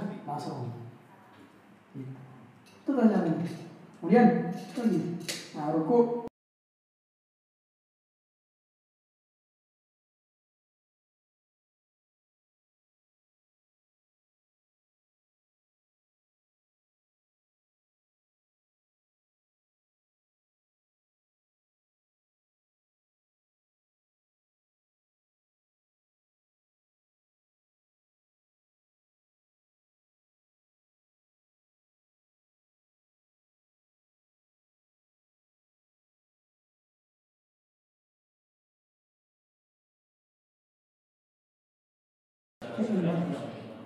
itu di antara Tumma rfa' hatta ta'tadila qa'iman. Jadi ketika i'tidal itu sampai tegak semua sempat tegak kisahnya Allah. Tegak. Jangan langsung tegak langsung lagi. Enggak, tegak sempat tegak. Sempat tegak baru langsung ruku. Dan ingat uh, i'tidal itu adalah rukun qasir. Jadi dia ukurannya tidak boleh lebih panjang daripada ruku. Seperti uh, apa namanya? duduk di antara dua sujud. Duduk antara sujud. Itu juga rukun qasir. Jadi rukun qasir itu rukun yang pendek. Kalau yang panjang sujud dan ruku itu agak panjang. Jadi kalau ruku dan sujud ini apa ya? Uh, jedanya sama segitu. Tapi kalau tidak harus lebih cepat dibandingkan atau lebih ringkas dibandingkan sujud dan rukunya. Dia nggak boleh lebih lama. Kalau lebih lama batal.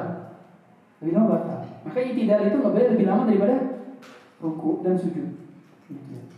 Itu karena Nabi Nabi Allah demikian. Dan ingat, nggak ada namanya sujud terakhir di lama-lama ini.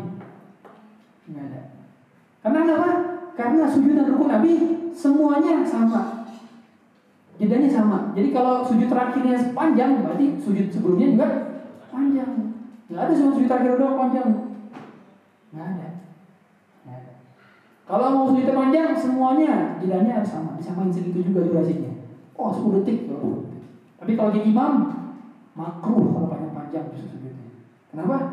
Ada makmum. Kalau lagi sholat sendiri, maka makanya kenapa tasbih ya kita baca subhanallah wa bihamdi, subhanallah wa bihamdi. Itu kalau jadi imam cukup tiga kali. Kalau jadi sendiri, sendiri kita, sendiri berapa kali?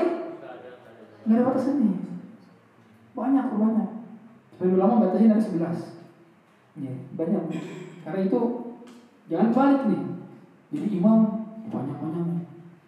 Begitu sendiri cepat. Kembali. Kemudian duduk di atas dua sujud. Ketujuh duduk di antara dua sujud dua sujud nah duduk di antara dua sujud ini setelah setelah sujudnya. Eh belum. Ini kan tujuh tujuh dulu. Ini sujud dulu. Sujud dulu. Sujud dan tumanina sujud sujud tumanina sujud.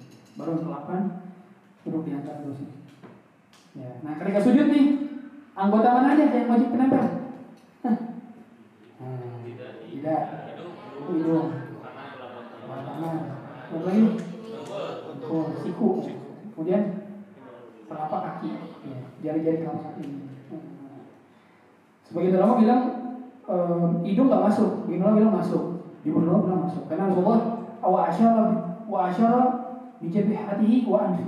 Jadi Allah nunjukin. Ini kan kita tujuh sebenarnya itu satu kesatuan satu kesatuan makanya itu antara yang wajib makanya kalau pakai kacamata susah harus apa ya satu supaya hidungnya nempel juga Set hidung saya pesek ya udah dia ah segitu sujud sudah kemudian um, duduk tasyahud tasyahud nah, tasyahud kalau tasyahud ini ada tasyahud awal, tasyahud akhir. Yang rukun adalah tasyahud akhir. Kalau tasyahud awal itu termasuk yang sunnah. Ya. tasyahud akhir uh, sembilan duduk tasyahud. Akhir. Nah, tasyahud akhir ini baca apa? Tahiyat. Tahiyat tulillah wassalatu thayyibat atau tahiyatul barakatuh salatu sampai baca apa? Sol itu itu rukun itu salawat nggak boleh kamu boleh lupa. Harus. Nah, kalau yang singkat adalah Allahumma sholli ala Muhammad. Ya. Kalau yang panjang apa Allahumma sholli ala Muhammad wa ala ali Muhammad kama shallaita ala Ibrahim ala ali itu yang salawat Ibrahimiyah. Sebaik-baik salawat apa? Salawat Ibrahimiyah. Oh, salawat Ibrahimiyah. Jadi salawat yang udah paling top best itu udah itu. Jadi kalau kita salawat yang berpahala banget itu. Dibandingkan salawat yang dibuat-buat sendiri. Apalagi salawat-salawat pakai musik. Nah, enggak. Salawat itu udah cukup. Salawat itu hendaknya apa? Kita berusaha untuk nada-nadanya yang oh, maksudnya ya kita pakai pakai pakai suara yang yang bukan teriak betul dinikmati itu pada akhirnya ibadah. Nggak bisa di musik apalagi pakai koplo. Saya dia di YouTube ada salawat koplo. YouTube ada ditanya kok ada salawat koplo ini? Ya Allah.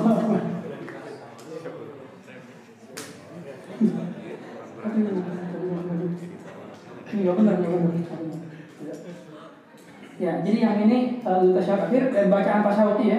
Ya sampai asyhadu an la ilaha illallah wa rasulullah wa Baru yang, rukun ke-10 adalah sholawat. Nah, sholawat. Yang paling utama sholat Ibrahim.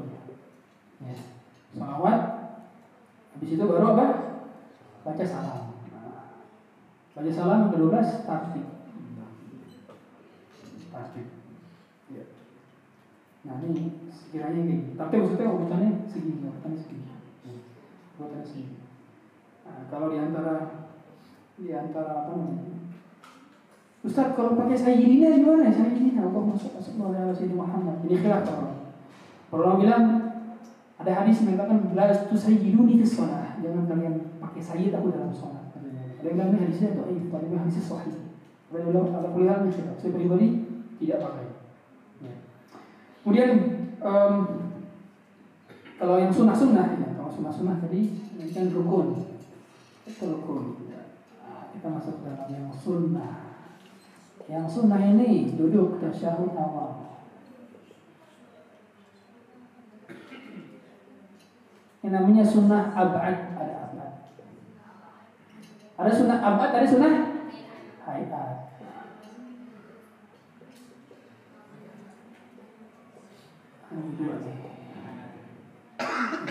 Itu syarat awal.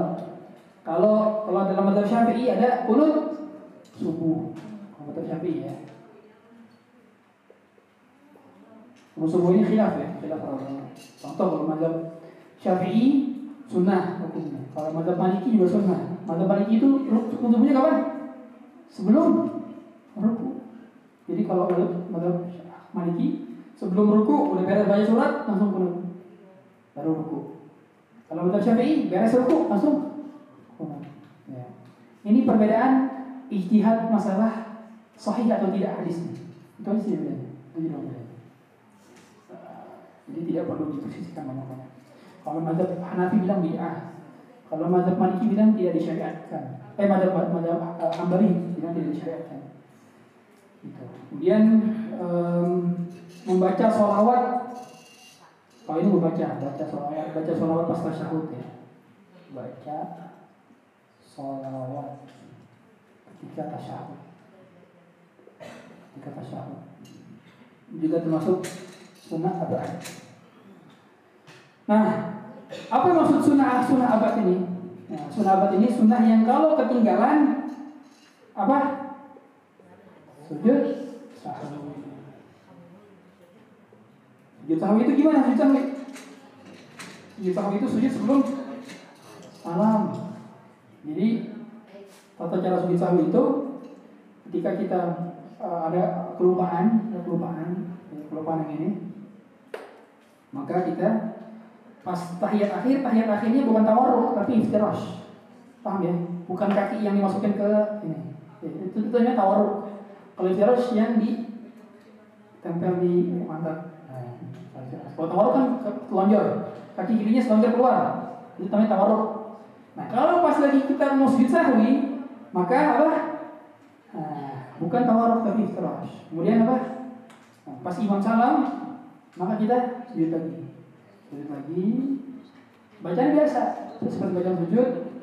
Kemudian uh, yang terus sujud lagi, sujud lagi, baru tahiyat akhir. Tahiyat akhirnya nggak usah baca lagi, masuk. Hmm, Itu tadi bicara. Ustaz kalau yang ketinggalan rukun gimana? Saya lupa baca al-fatihah tadi. Maka nggak bisa masuk satu, nggak bisa. Ngapain? Ulang lagi tadi, tambah lagi rakaatnya.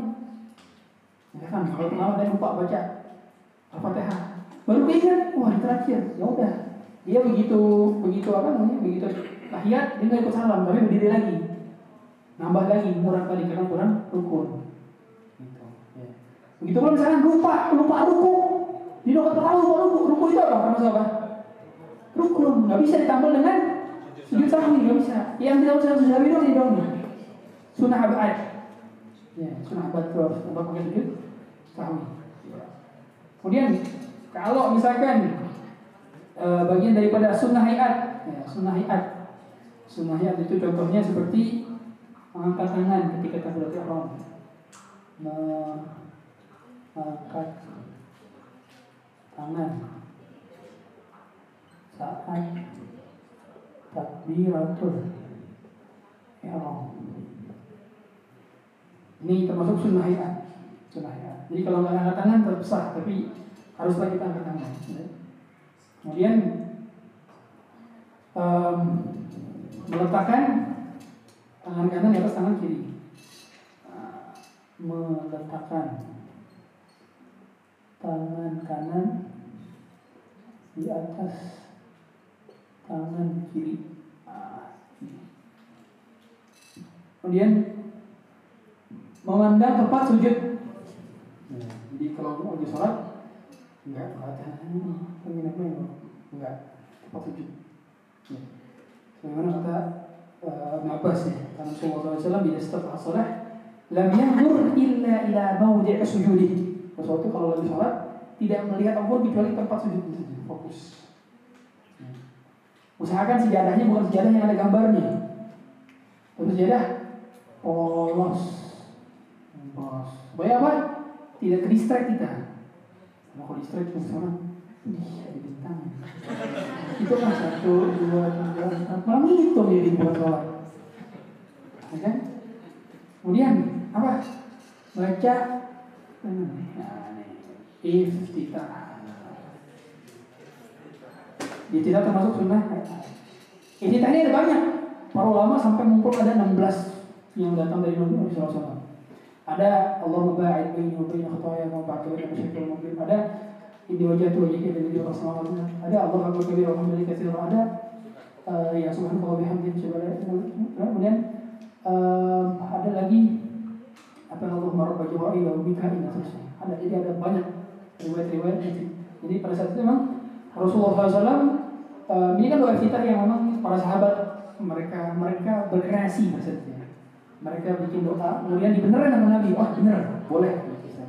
Kalau zaman sekarang boleh nggak kita bikin gitu? Kita sendiri ah nggak bisa. Karena nggak ada yang benerin. Rasulullah udah wafat nggak bisa dibenerin lagi sama Nabi. Sahabat bisa masa itu ada yang benerin Nabi gitu. makanya di antara doa doa kalau dalam madzhab Syafi'i diambil yang paling panjang makanya doa cinta madzhab Syafi'i apa Allah akbar kabira walhamdulillah katsira wa sallallahu alaihi ini wajah wajah dan seterusnya wa muslimin atau wa ana awwalul muslimin. Kalau kita wa ana minal muslimin. Karena wa awwalul muslimin siapa? Rasulullah SAW. Jadi kalau kita wa ana minal muslimin. Wa ma ana minal musyrikin. Ternyata doa kita. Baru doa kita ngapain? Ta'awud. Ta'awud. Ta'awud billahi minasyaitonir rajim. Ta'awud. Nah, ingat ya, karena kita ini kalau lagi sholat suka diganggu setan. Siapa nama setannya? Khinzib. Namanya khinzib. Yukol lahu khinzib. Siapa yang namanya khinzib ini ada? khinzib ini. Khinzib ini setan yang suka kita bikin ingat udhkur kada, udhkur kada. Sering ingat kita. Lagi sholat, kita ingat-ingat. Makanya banyak banget. Ini di antara yang bikin sholat kita nggak khusyuk apa? Karena kita nggak baca ta'awud. Sebelum al-fatihah dia baca ta'awud. Padahal suruh baca ta'awud. Ya kan? Kata uh, Rasulullah SAW kata Abu Sa'id al-Khudri, ya ta'awud. Ya. Nah, dari sini dipahami bahwa kadang kala kalau kita bukan karena kalau bahkan sering sekali kita lagi sholat nggak muncul di otak. Tiba-tiba pas lagi sholat muncul ide bisnis. Nanti beli ini nanti beli ini. Lagi sholat sebelum sholat nggak kepikiran pas lagi sholat ada pikirannya. Iya itu karena itu karena kita nggak tahu gitu ya. kemudian apa takmin takminnya maksudnya bilang apa Amin. Ini di antara sunnah. Dan ingat teman-teman ini, ini jangan lupa. Amin.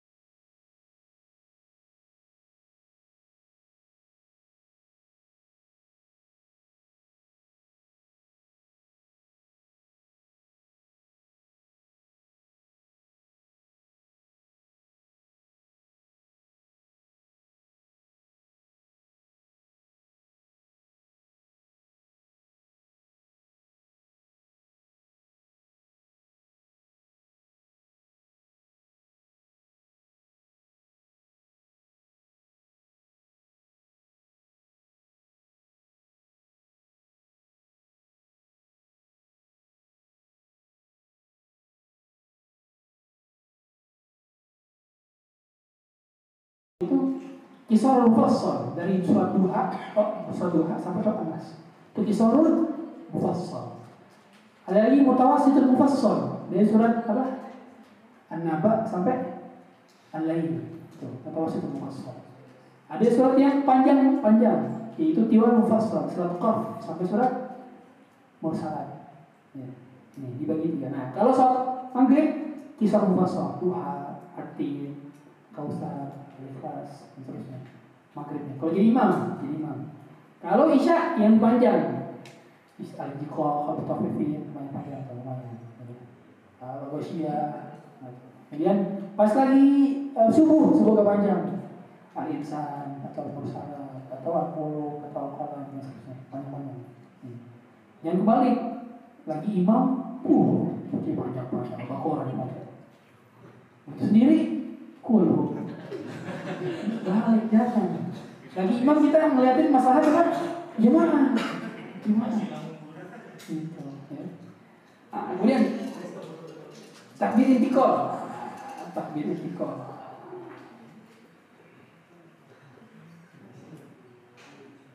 takbir intikal itu apa? Takbir perpindahan. Dari apa? Dari berdiri ke ruku Allah Akbar. Sampai Allah itu namanya takbir intikal takbir perpindahan dari sujud ke pak dari ruku ke sujud dari sujud ke bangun dari dari sujud lagi ke bangun lagi dan seterusnya namanya takbir intikal ya. kemudian membaca dengan jahar dan sir ya maksudnya kalau dalam pada sholat-sholat yang dibaca sir bahkan baca sir kalau dibaca jahar oleh jahar ya. jahar dan sir. Ya. Nah, ini Sholat apa yang berjahar? Apa sholat berjahar? Sholat subuh, pagi, isya, maghrib. Nah, itu jahar. Tapi kalau yang berbaca sir, zuhur, nah, Nah, ini kata para ulama, boleh kalau kita zuhur baca jahar, asar baca jahar boleh, tapi tidak sunnah. Itu khilafus sunnah. Khilafus sunnah. Begitu pula boleh maghrib dibaca sir, isya maghrib khilafus sunnah. Khilafus sunnah. Itu bukan sunnah.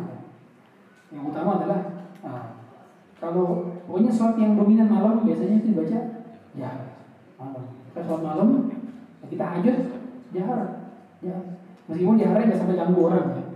Jahar. Kemudian mengangkat kedua tangan ketika ruku. Nah. Angkat tangan bangun dari ruku. Nah, ingat jadi ketika sami Allah hamidah sami Allah hamidah angkat lagi tangan. Nah, jadi enggak gini sami Allah hamidah. Tadi angkat lagi. Angkat tangan lagi. Itu di antara apa cara sholatnya sesuai dengan sunnah. Ya. Kemudian baca tasbih ketika ruku itu juga termasuk sunnahnya. Baca tasbih dan tahmid ketika tidak, Rabbana lakal hamd itu, itu juga termasuk sunnahnya. Kemudian mengangkat kedua tangan, bangun dari ruku. Bangun dari ruku, angkat kedua tangan. Masuk sunnah. Meluruskan tangan ketika posisi tidak. Dia lurus tangannya. Nah, lurus tangannya. Ya. Ini maksudnya. Ada pun madhab Masuk yang lain ya, antaranya mazhab Maliki. Nah, itu kayak gini. Dari habis itu sampai Allah hamidah. Begini lagi, begini lagi. Ya, kalau di Saudi misalkan uh, Syekh bin Bas itu beliau begini. Ya. Sama Allah hamidah beliau begini lagi. Kalau Syekh Bani gini. Itu beda, itu masalah. Ya. Perbedaan ijtihadiyah. Kemudian um, mendahulukan lutut kemudian tangan. Tapi para ulama bersisi ya, karena hadisnya sebelahan. Dalam hadis riwayat Ibnu Majah sebelahan. Jadi Nabi terkadang apa? Dahulukan lutut dulu, baru tangan. Terkadang tangan dulu, baru lutut. Yang nggak boleh apa? Kepala duluan.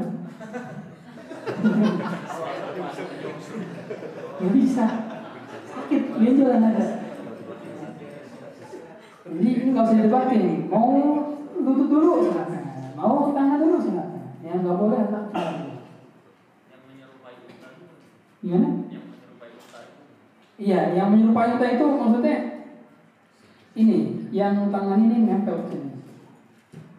Hmm. Ya, nempel. Nempel. Ya. Harusnya? Diangkat. Ya. Kemudian, uh, nah, tapi dominan sebenarnya gini, perbedaan hadis itu terhadap Rasulullah SAW itu biasanya sesuai dengan konteks umur beliau. Jadi ketika beliau masih uh, sebelum beliau di Madinah, beliau dominan pakai lutut. Tapi ketika di akhir akhir hidup beliau, beliau dominan apa? Pakai tangan untuk mengopak tubuhnya. Nah, jadi memang uh, khilaf. Uh, kemudian membaca tasbih ketika sujud, membaca doa rukuk ketika di antara sujud, dan duduk istirahat. Jalan satu istirahat. Apa tuh jalan satu istirahat? Ini terawat berapa biasanya nih kalau sholat zuhur atasan sholat berapa? Tiga.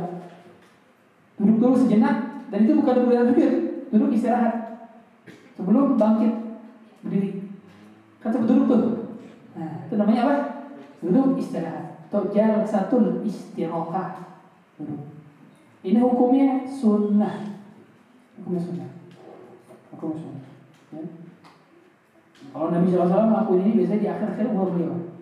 Jadi beliau ketika apa rakaat ketiga kan bangkit tuh rakaat keempat kan. Nah beliau nggak langsung diri tapi duduk dulu, duduk dulu baru berdiri lagi.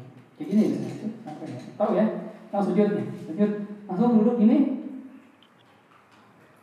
Gitu, paham ya? Gitu. Rakaat ketiga atau rakaat pertama mau kedua. Ya, gitu. orang ganjil sini. Nah, pas rokat ketiga, rokat ketiga, ini beres rokat kedua, udah beres tasyahud ya kan, tasyahud awal kan. Kamu berdiri nih, berdiri sebelum mulai al-fatihah, apain? Ini dulu, angkat tangan. Nah, angkat tangan itu cuma pas beres apa? Tasyahud awal. Jadi nggak setiap rokaat angkat tangan lagi, begitu ruku, enggak, tapi begitu sujud.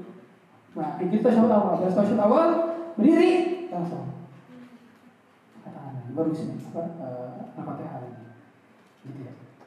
Kemudian isyarat jadi tunjuk tasyahud hmm.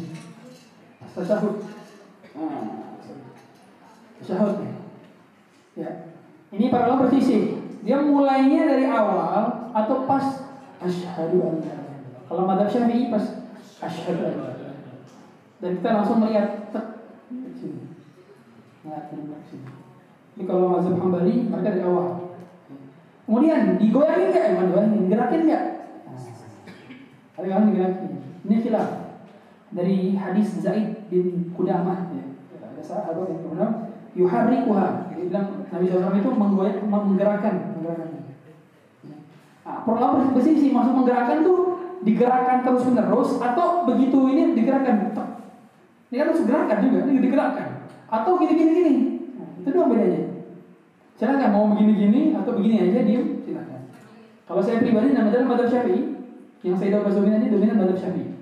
Karena kita kan bermadhab syafi'i Indonesia selalu ya, supaya tidak terlalu berbeda amaliyahnya. Ya. Nah, maka biasanya saya pribadi nggak nggak biasa gerakan. Tapi kalau ada yang menggerakkan saya tidak ingkari, silakan. Karena berarti perbedaan dalam memahami hadisnya. Hadisnya sama, hadis itu dalil tidak berkurang, tidak bertambah. Yang beda apa? Cara dalam memahami hadis ini. Kalau tadi tadi yang bilang digoreng, digoyakin, dia memahami bahwa yuharrikuha, digerakkan itu berkali-kali. Ada yang bilang digerakkan cuma sekali digerakkan. Kenapa ada yang bilang orang bilang pada asyhadu an la ilaha itu kita melihat di sini. Ada yang bilang apa uh, asyhadu an itu kita pas pas kayak gini. Ada yang bilang dari awal. Kenapa? Kok beda? Karena kalau kata Imam Nawawi, asyhadu an itu harus selaras dengan kalimat tauhid, yaitu dari satu asyhadu an la ilaha illallah. Melihat sampai assalamualaikum warahmatullahi wabarakatuh. Baru diberhentiin pas salam. Ya. biasanya pas baru pas salam. Kayak gitu. Kemudian ah, uh, kalau yang rukun apa? Ini salam apa? Salam pertama salam kanan. Itu rukun. Kalau yang salam kedua? Sunnah Salam yang tadi dijawab di antaranya ada salam yang pas dalam. Jadi kalau lagi salam, assalamualaikum warahmatullahi Waalaikumsalam.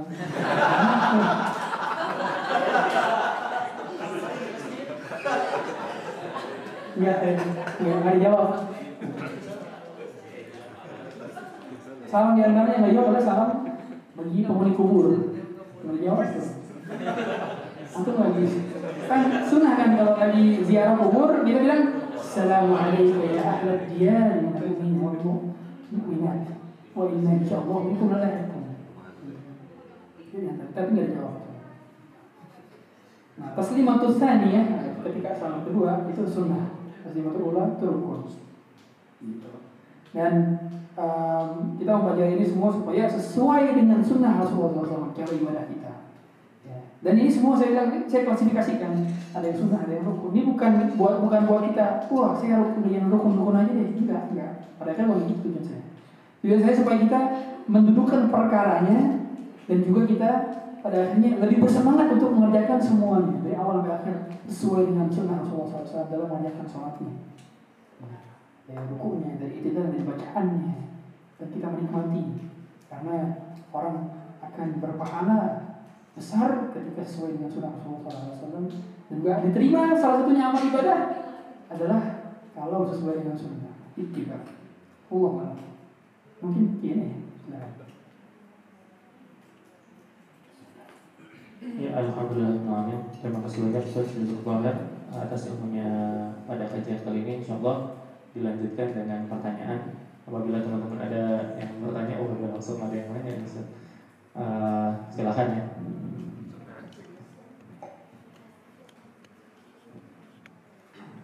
Bismillahirrahmanirrahim. Assalamualaikum warahmatullahi wabarakatuh. Izin bertanya Ustaz, eh, mau bertanya beberapa hal. Yang pertama, ini kalau misalnya eh, telat sholat berjamaah, kan misalnya kelewat al-fatihah gitu, apakah harus menggantinya di satu rakaat kemudian atau dua rakaat kemudian kalau masbuk gitu ya?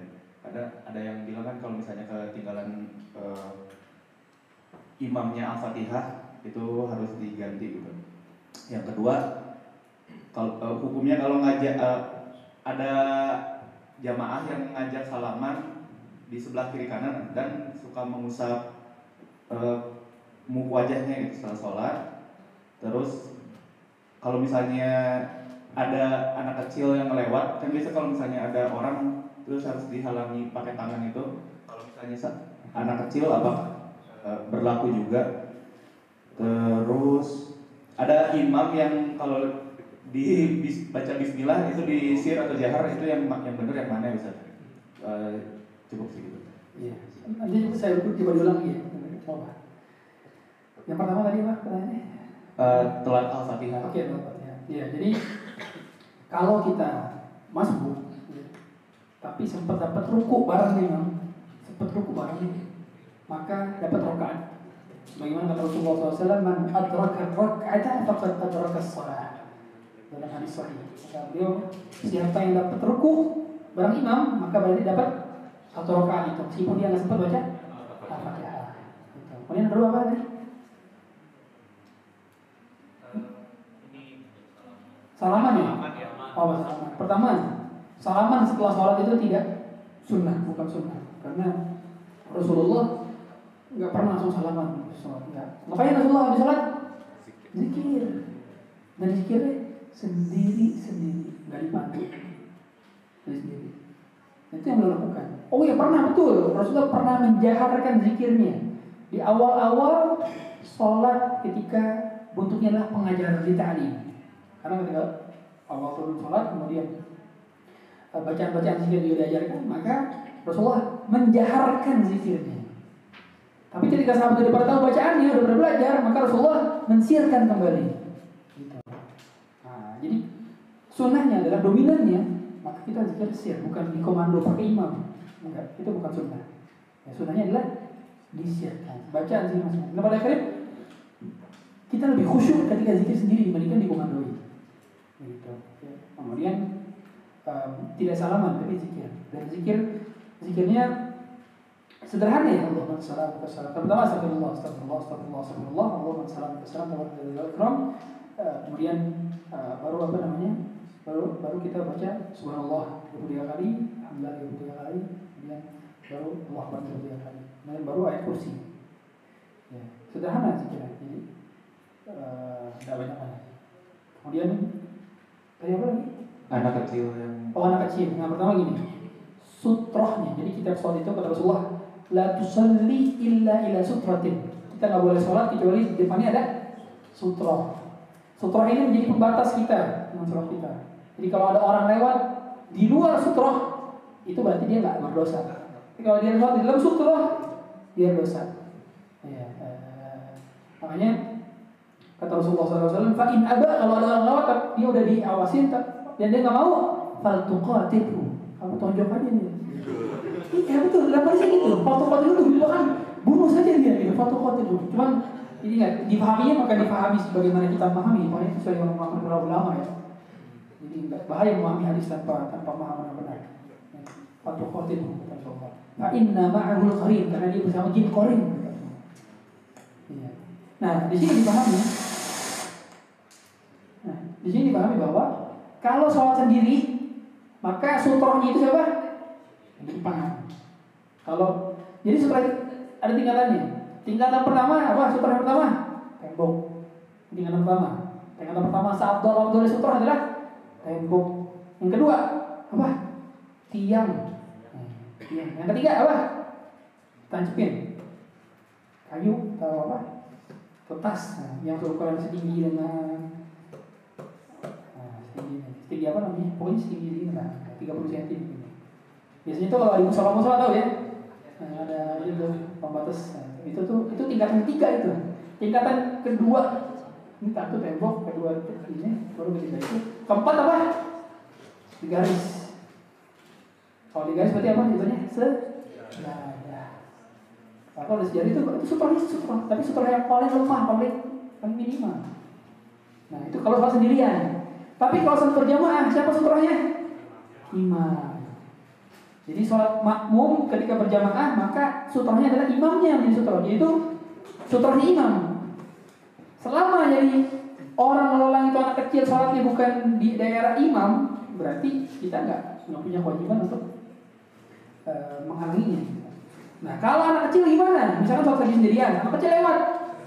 Nah, kata para ulama, anak kecil tetap berhukum anak besar. Tapi kalau yang sudah tamiz, tamiz ya. Tamiz, satunya usia tujuh tahun. Tapi kalau dia usia apa? Usia masih bayi, ya kalau ini juga. Enggak, kasihan. Enggak, enggak pengaruh kalau anak kecil yang masih bayi belum bisa mau ngapain. Dan gak akan ngaruh kalau kita insya Allah.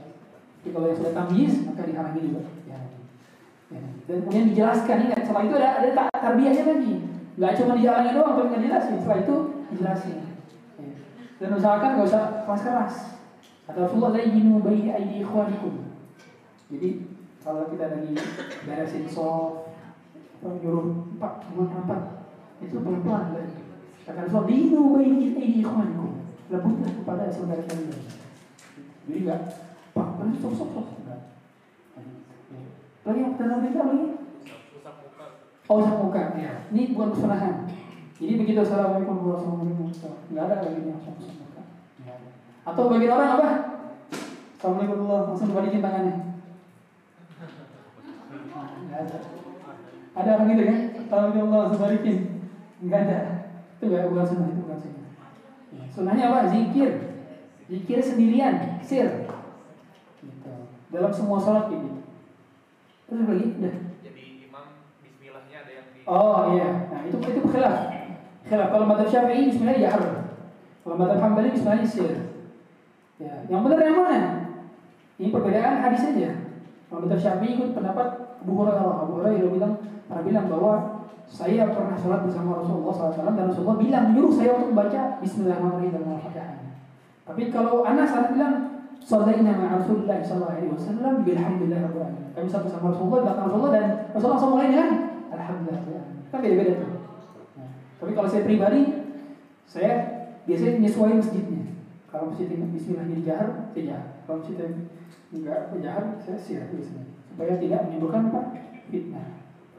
Syekh Sudais saja di Saudi Syekh Sudais disirkan. Begitu ke Istiqlal dijaharkan. Dijaharkan. Nah itu tuh di antara fikih.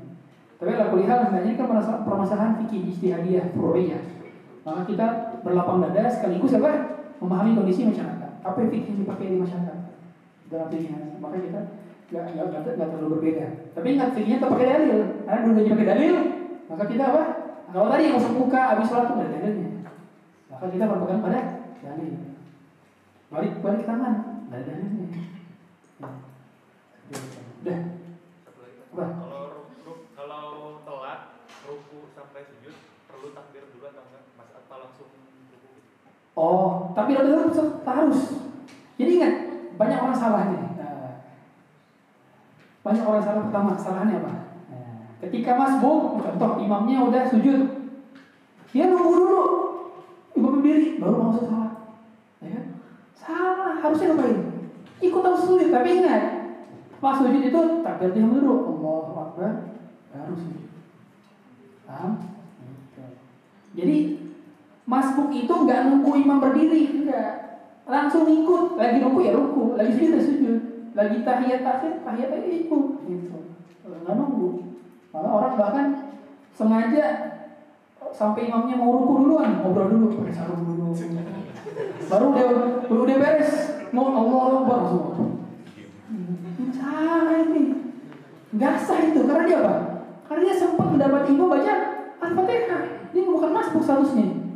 Bukan masbuk. Kalau dia sengaja menjalankan baca Al-Fatihah, nunggu imamnya ruku baru dia ikut ruku gara-gara oh kan masih sah mana roka roka apa roka sholat pakai hadis kayak gitu akhirnya dia enggak enggak baca Al-Fatihah enggak sah sholatnya jadi kalau nggak sengaja terbang telat langsung ruku kalau dia ruku baru bisa dapat ruku satu lagi ya Ya, betul. Bismillahirrahmanirrahim. Eh, izin bertanya Ustaz.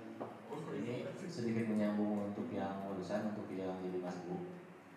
Jadi kan kondisi eh, saya pernah baca kalau misalkan di masbuk itu kondisinya imam sudah ruku kemudian masuk datang dan mengikuti saf ketika masuk tersebut takbir apakah pas takbir itu badannya agak nunduk atau kayak gimana gitu?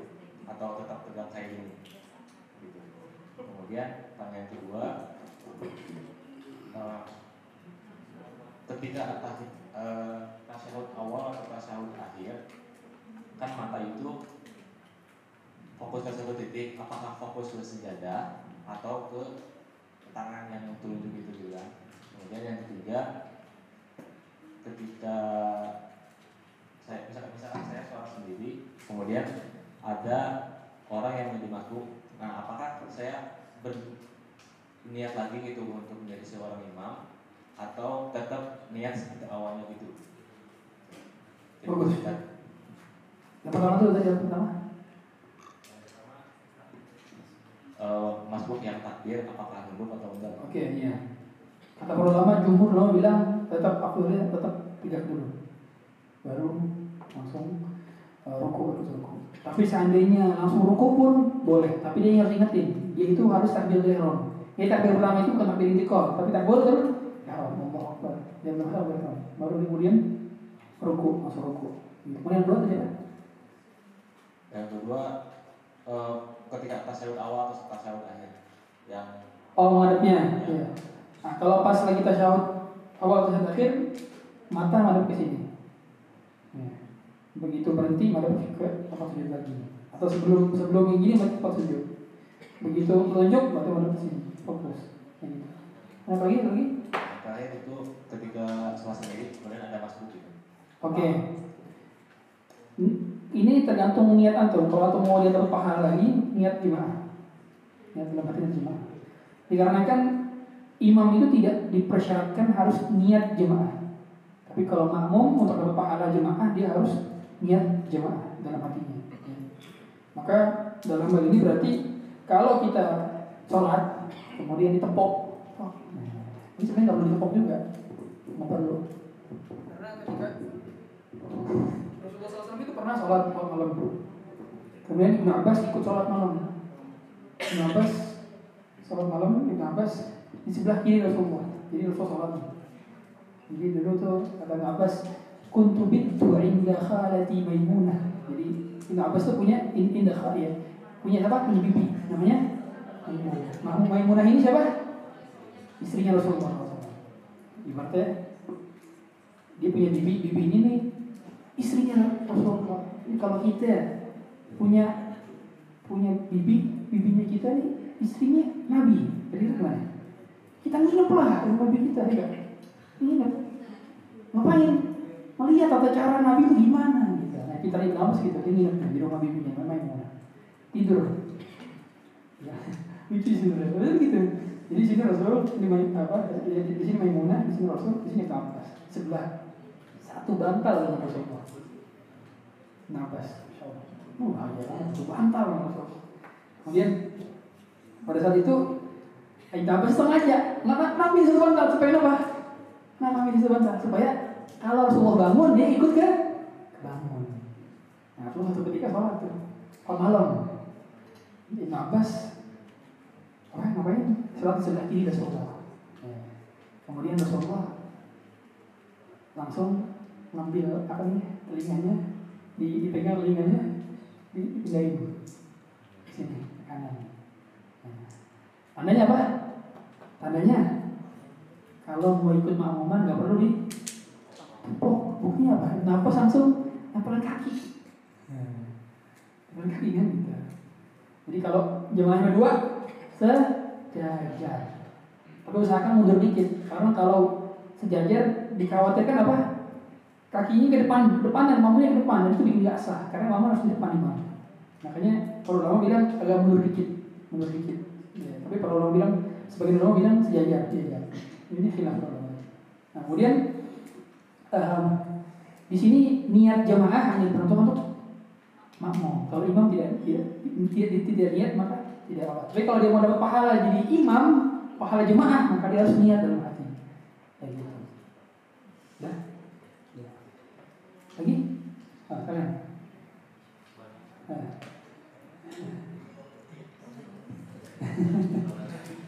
Bismillahirrahmanirrahim. Eh, izin bertanya Pak Ustaz eh, mengenai sholat. Eh, mungkin ini pengalaman pribadi saya. Eh, terkadang kan rasa capek itu datangnya tidak bisa diprediksi ya. Misal kita pulang kerja, kita capek, terus eh, kalau kondisi yang pernah saya alami itu kita sholat maghrib, habis itu kita tiduran. Nah, eh, sampai ketiduran gitu gak melaksanakan sholat isya. Nah, tiba-tiba pas bangun tuh udah kelewat si isanya itu. Nah di sana saya itu sering banget merasa berdosa karena emang tidak meninggalkan eh, mau meninggalkan sholat gitu ya.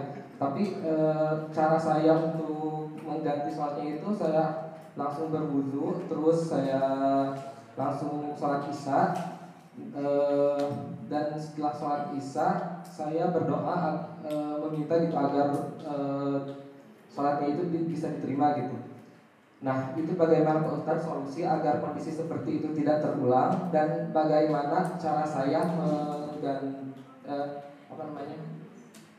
Cara saya eh, mengganti si sholat tersebut gitu, si sholat isya tersebut. Terima kasih. Ya, jadi kalau di antara cara Rasulullah, Rasulullah kata kata Anas ya, karena yakrahu naum qabla wal hadits ba'da. Rasulullah itu enggak tidur sebelum maghrib dan enggak ngobrol selepas isya.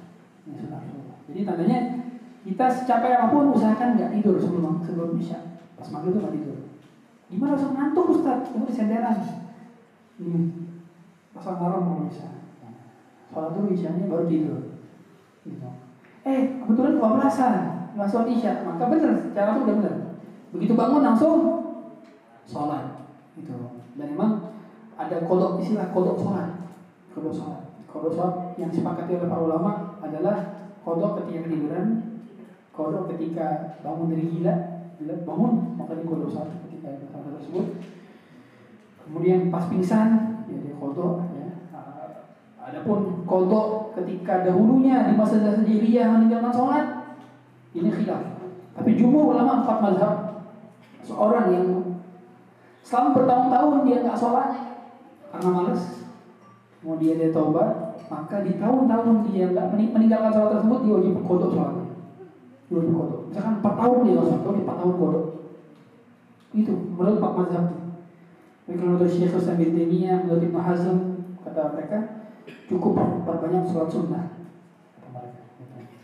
Dikarenakan orang yang meninggalkan sholat menurut mereka akan kafir dan orang kafir seharusnya murtad. Kalau orang murtad berarti nggak wajib sholat. Gitu kira-kira. Tapi kalau saya pribadi saya menganjurkan kodok sholat. Kembali pada khilaf. Gimana caranya kalau sholat dicicil? Proyeksi misalkan kita 4 tahun gak sholat 4 tahun nih, masa jahiliyah tak sholat misalkan Atau bolong-bolong deh minimal, bolong-bolong Gimana caranya kalau sholat ini? Proyeksi, selama 4 tahun ke depan Saya ingin lunasi utang saya ini Berarti gimana? Setiap beres sholat, sholat lagi Beres sholat, sholat lagi Yang pertama sholat di waktunya, yang, yang kedua sholat apa? Utang bayar utang 4 tahun yang lalu Sampai 4 tahun ke depan, dicicil kalau mau lebih cepat gimana? Kalau bayar utangnya pas waktu waktu sholat duha, waktu malam nanti bayar utang sholatnya kayak gitu. Lagi nih nanya? Oh iya, tanya tuh betul?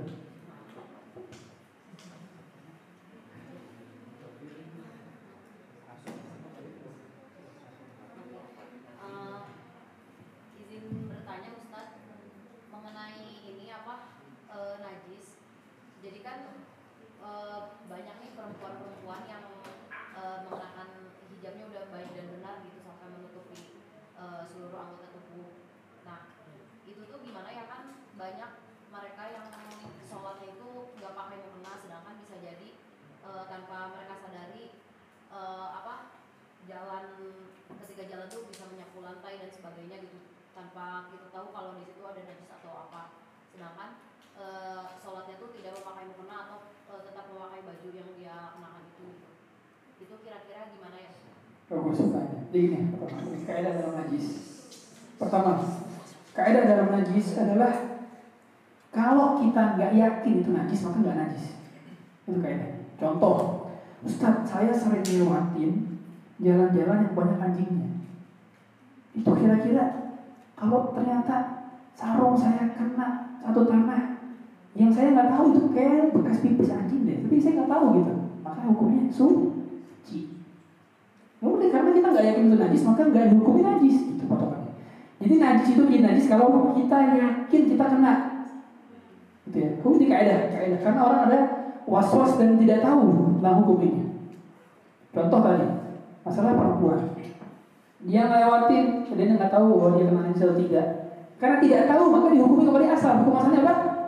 Suci. Ya udah berarti dihukumi najis. Ya. Makanya kita sholat nih, saya sholat di sini. Atau saya sholat di pinggir jalan misalnya, pinggir jalan, Allah enggak. Saya nggak tahu najis atau nggak ada, tapi hukumnya sah sholat saya di pinggir jalan. Kecuali saya udah tahu kalau itu bekas pipis pipis pipis pipis kucing atau atau ada najis. Ya. Karena gini patokan dalam agama kita, tidak setiap yang kotor itu najis, tapi yang najis pasti kotor. Itu paham ya? Kayak yang kotor itu selalu najis. Contoh debu, debu itu kotor menurut kita. Tapi najis ya? Nggak najis. Nggak. Makanya kita sholat, saya pribadi sholat kalau di rumah saya nggak pakai sejadah. Nggak pakai sejadah. Saya selalu nggak bisa selalu nggak pakai sejadah. Istri saya juga begitu, nggak pakai sejadah. Lantai langsung. Karena emang nggak najis kan hukumnya. Sah sah sholat. Oke. Untuk kalau ada kenyamanan silakan, silakan kenyamanan. Cuman pada akhirnya kalau nggak tahu maka tidak najis begitu ya. Berarti pada akhirnya kalau perempuan-perempuan yang hijab panjang, kemudian apa? Sering menjulur sampai sampai kena uh, tanah pakaiannya, maka tidak kena najis karena dia tidak ada najis. Kecuali kalau sengaja dia ngelewatin tempat yang najis ya, sengaja lewatin dah. Kena kalau itu najis baru. Paham ya? Dipahami kayak seperti itu. Ya. Allah Lagi? Nah. mau nanya terkait tadi Mazi dan Wadi itu kalau kalau misalnya Mazi dan Wadi itu nggak sengaja atau kena celana misalnya terus mau sholat eh, itu tuh cara mensucikannya gimana Ustaz? Apakah ganti celana atau saya dan sebagainya? Iya. Gitu. Terus yang kedua kalau misalnya lagi wudhu kita boleh ngobrol guys Ustaz.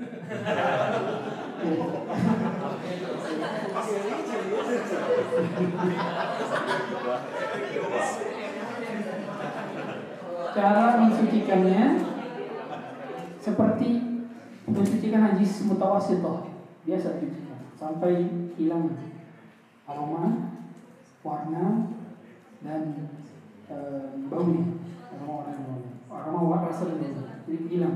Dengan cara apa? Kalau bisa di- dikucek ya dikucek kalau bisa dicekat sabun pakai sabun. Pokoknya apa hilang? Zatnya zat ainnya Eh, itu. Itu cara mencucikan wadi dan jadi kalau misalnya memang nggak bisa dicucikan maka ganti. Tapi sekarang gampang. Tinggal kan misalkan bercaknya cuma kena segini kecil.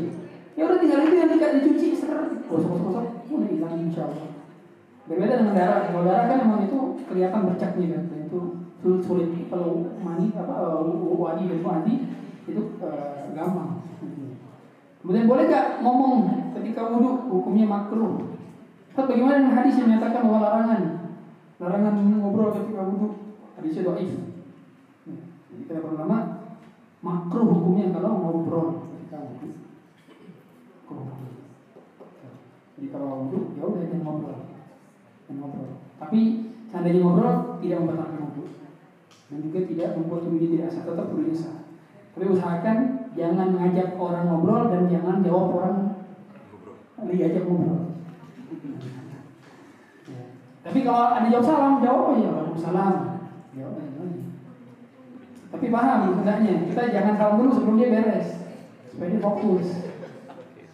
Jangan diganggu. Jangan diganggu. Ada lagi? Nah, silakan. Aja dulu, aja dulu. Ya.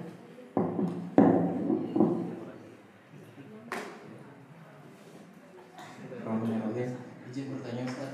Eh, jadi gini Ustaz, eh, sering terjadi. Jadi kalau misalnya sholat, eh, anak tuh suka usil gitu, jalan-jalan di depan. Sedangkan untuk anak kan mak- maksudnya umur 3 tahun lah gitu, nggak boleh kita tepis gitu. Dan misalnya sholat, kadang-kadang ketika kita mau sujud, dia diam di depan kita gitu. Jadinya kan, eh, maksudnya tidak sesuai rukun sholatnya itu ya. Di mana misalnya maksudnya nggak maksimal gitu eh, tata cara kita sholatnya. Terus kemudian kalau misalnya ternyata kita lagi duduk anak eh, diam di pundak kita gitu duduk di sini gitu apakah kita harus nunggu dulu dia turun apakah diturunin atau dilanjutkan sholat gitu Rada- ya gitu Ustaz terima kasih Hmm. Kalau misalkan lagi sholat sendiri gampang, tinggal pindahin. Bisa pindahin nggak apa, pindahin. Pindahin, sholat sujud. Nah, cuma kalau lagi berjamaah kan nggak bisa. Pindahin ke mana yang ada kepala orang. Nggak bisa. Gimana caranya mundur kita? Mundur. Nah, gitu. Makanya dikecilin. Ini susah. Makanya kalau punya anak, anaknya, tapi kan biasanya ada space kan kalau kita bawa anak, anaknya kasih space kita di sini, di sini nah ya, jangan ke mana-mana. Nanti dia kalau lagi lagi pas lagi sujud, eh depan kita, bener dia siapa? Taruh sini, sujud. Gitu. Nggak masalah itu itu gerakan yang tidak membatalkan karena gerakannya tidak berurutan dan tidak banyak. Kalau banyak sampai pindahin, nah, itu banyak, banyak. Jadi kalau gerakannya cuma satu doang, ti- tidak lebih daripada tiga dan tidak berurutan, maka tidak membatalkan. Ya. Eh, kemudian tadi apa lagi? Oh yang nempel, iya. Kalau lagi sholat, nempel di atas kepala ini gimana? Nah, kalau Nabi SAW, Nabi enggak, Nabi diemin. Nabi sebagaimana ketika ada Umamah ya, Umamah, judulnya beliau dari anak Zainab, kalau lagi sholat, disuruh main, cukup Nah, beliau beliau eh, nungguin dulu, nungguin. Tapi kalau diangkat boleh, diangkat boleh. Tuh, disuruh tuh kelamaan nih, kelamaan. Ya, boleh pindahin kalau karena itu tidak membatalkan gerakan. Gerakan sekali tidak. Ya terlalu banyak jadi nggak masalah jadi kalau yang ingat ya gerakan yang batal sholat itu gerakan besar. Gerakan besar itu ini ini gerakan besar. Kaki gerakan besar. Kalau gerakan yang kecil itu gini Hmm. makanya kalau kalau misalkan kita misalkan gatal masuk di kepala. Garuknya jangan gini gini. Tapi gini. Nah, karena ini gerakan kecil, gerakan kecil berapapun dia nggak batal. Gerakan kecil. Tapi kalau gerakan besar gini, ini gerakan besar. Eh kalau garuk kepala, batal, batal. Makanya kalau garuk gini, nah ini diem tapi gini. gini. Baru gini lagi. Lagi? Ah, silakan. Tapi kan kalau misalnya kita sholat berjamaah, contohnya ketika sholat kan kadang si safnya itu suka ada yang berjauhan Ustaz. Jadi kadang kalau misalnya rumahnya dekat masjid, dia bikin saf sendiri. Itu kan suka ada tuh. Terus juga eh, jadi bisa-bisa gitu kan. Nah itu idealnya eh, saf itu seperti apa? Terus ada nggak eh, apa namanya jarak atau batas minimal eh, saf itu kayak gimana gitu Ustaz? Iya, pertama, saf itu harus bersambung dan bersambung itu dalam satu ruangan. Kalau nggak dalam satu ruangan, ruangan ruang pisah, maka dari antara ruangan yang ini dengan ruangan yang luar itu ada pembukanya. Pembukanya maksudnya adalah ada pintu yang kebuka. Ya. Kalau pintunya nggak buka, minimal pintunya nggak dikunci. Ya, itu. itu masih bersambung. Tapi kalau ada pembatas misalkan, misalkan ini rumah, eh, ini, ini rumah, depannya masjid, di jalan raya. Wih, ada masjid rumah ini. Sholat hanya orang di kamar. Gak bisa, gak bisa lo berjamaah itu ya, gak bisa rasa. Gak bisa rasa. Ya. Makanya kalau di Masjidil Haram itu khilaf tuh, kan ada musola P9 kalau yang tahu tuh di Zamzam Tower ya. Kalau yang umroh. Itu Zamzam Tower, itu sholat di dalam gedung ya. Sedangkan di bawahnya itu ada orang lalang, sholatnya nggak bersambung. Itu kalau menurut jumhur ulama nggak sah itu situ. Ya, nggak sah berjamaah. Tapi menurut sebagian ulama itu sah berjamaah. Tapi agaknya kita nggak ada Kemudian kalau kalau di tingkat, sok tingkat, nah ingat nih, kalau yang tingkat-tingkat usahakan yang bawahnya penuh baru ke atas. Jangan ke atas duluan, bawahnya belum penuh. Jangan. Eh, Kemudian batasnya, ini batas mau itu dengan soft terakhir batas maksimal adalah 150 meter 150 meter atau salah satunya anti jarak salah satunya anti jarak jarak itu sekitar setengah setengah meter jarak jarak itu segini kalau dua ini kan berarti satu meter? Jadi tiga ratus meter. Itu jarak antara dia kalau mau bermakmum dengan soft terakhir makmum. Itu. Jadi kalau dia lebih daripada itu nggak bisa ikut berjamaah. Dan di antara syarat sholat Jumat adalah berjamaah. Nggak sah kalau nggak berjamaah. Sholat Jumat nggak bisa. Apa lagi? Itu yang cewek tuh, ya. silakan.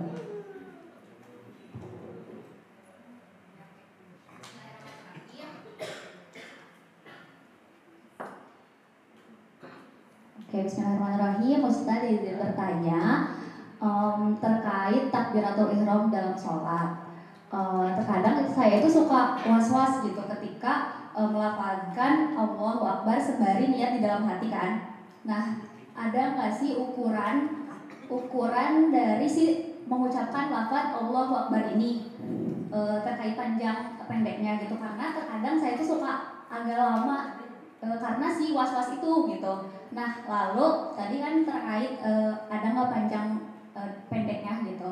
Terus gimana caranya supaya bisa menghilangkan was-was ini gitu. Dah, terima kasih.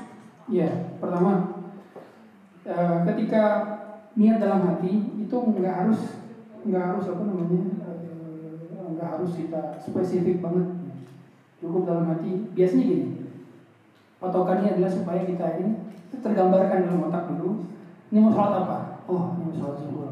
Dan sholat zuhur udah pasti 4 rakaat, jadi makmum dan terusnya. Ya udah berarti kita terus udah kebayangannya sekedar kebayang. Nah, Nah, itu itu supaya menghindari was-was. Ya. Em, di antara juga kalau ada orang was-was juga ikut pendapat mazhab lain misalnya, mazhab Maliki ya. Kalau mazhab Maliki itu niatnya tidak harus berbarengan dengan takbiratul ihram. Tapi niatnya sebelum sholat. Kalau mazhab Maliki. Ini bisa jadi solusi bagi orang yang orang yang was-was. Tapi usahakan baca auzubillah, auzubillah insyaallah. Sehingga nggak was-was lagi. Ya. Ada ya, saya. Eh, eh. Ini sampai jam berapa balik ini? Gua apa Eh. Terakhir mungkin ya, Terakhir, terakhir. karena sudah jam setengah 12 Ah, eh, silakan.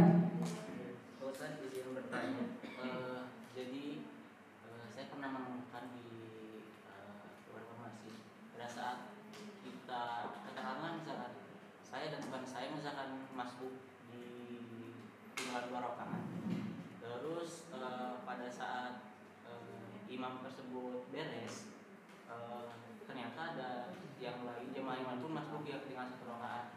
Nah, kadang ada yang apa membuat jamaah lagi jadi ada yang mundur gitu kan eh, yang masuk tersebut jadi buat eh, apa buat jamaah lagi nah itu hukumnya seperti apa Ya, pertama, ulama sepakat tidak boleh ada dua jemaah dalam satu masjid. Nggak boleh. Jadi kalau imamnya belum assalamualaikum warahmatullahi nggak boleh bikin jemaah duluan. Nah, sebagian orang ada, dia udah komat nih sebelum assalamualaikum dia udah komat. Allah baru bikin jemaah baru. Ini nggak boleh haram. Haram. Kenapa imamnya? Karena tidak boleh ada dua orang dijadikan pemimpin di dalam satu dijadikan sebagai imam satu masjid nggak boleh. Makanya kalau buat jemaah baru gimana? Beresin dulu tuh salamnya kok belum beres? Tapi ingat seutama-utama jemaah baru masih utama jemaah pertama. Jadi jangan kita nunda-nunda dulu. Ya aja dah. Ke jemaah yang ini. Ikut jemaah yang ke depan. Itu lebih afdol dibandingkan jemaah yang baru. Gitu. dan jangan buat jemaah baru sebelum salam. Udah beres salam baru komat baru bikin jemaah baru. Gitu. cukup sampai sini ya kalau ada pertanyaan lagi, mungkin bisa tampung dulu kan bisa kita jawab di depan insyaallah. Baik. Assalamualaikum warahmatullahi wabarakatuh.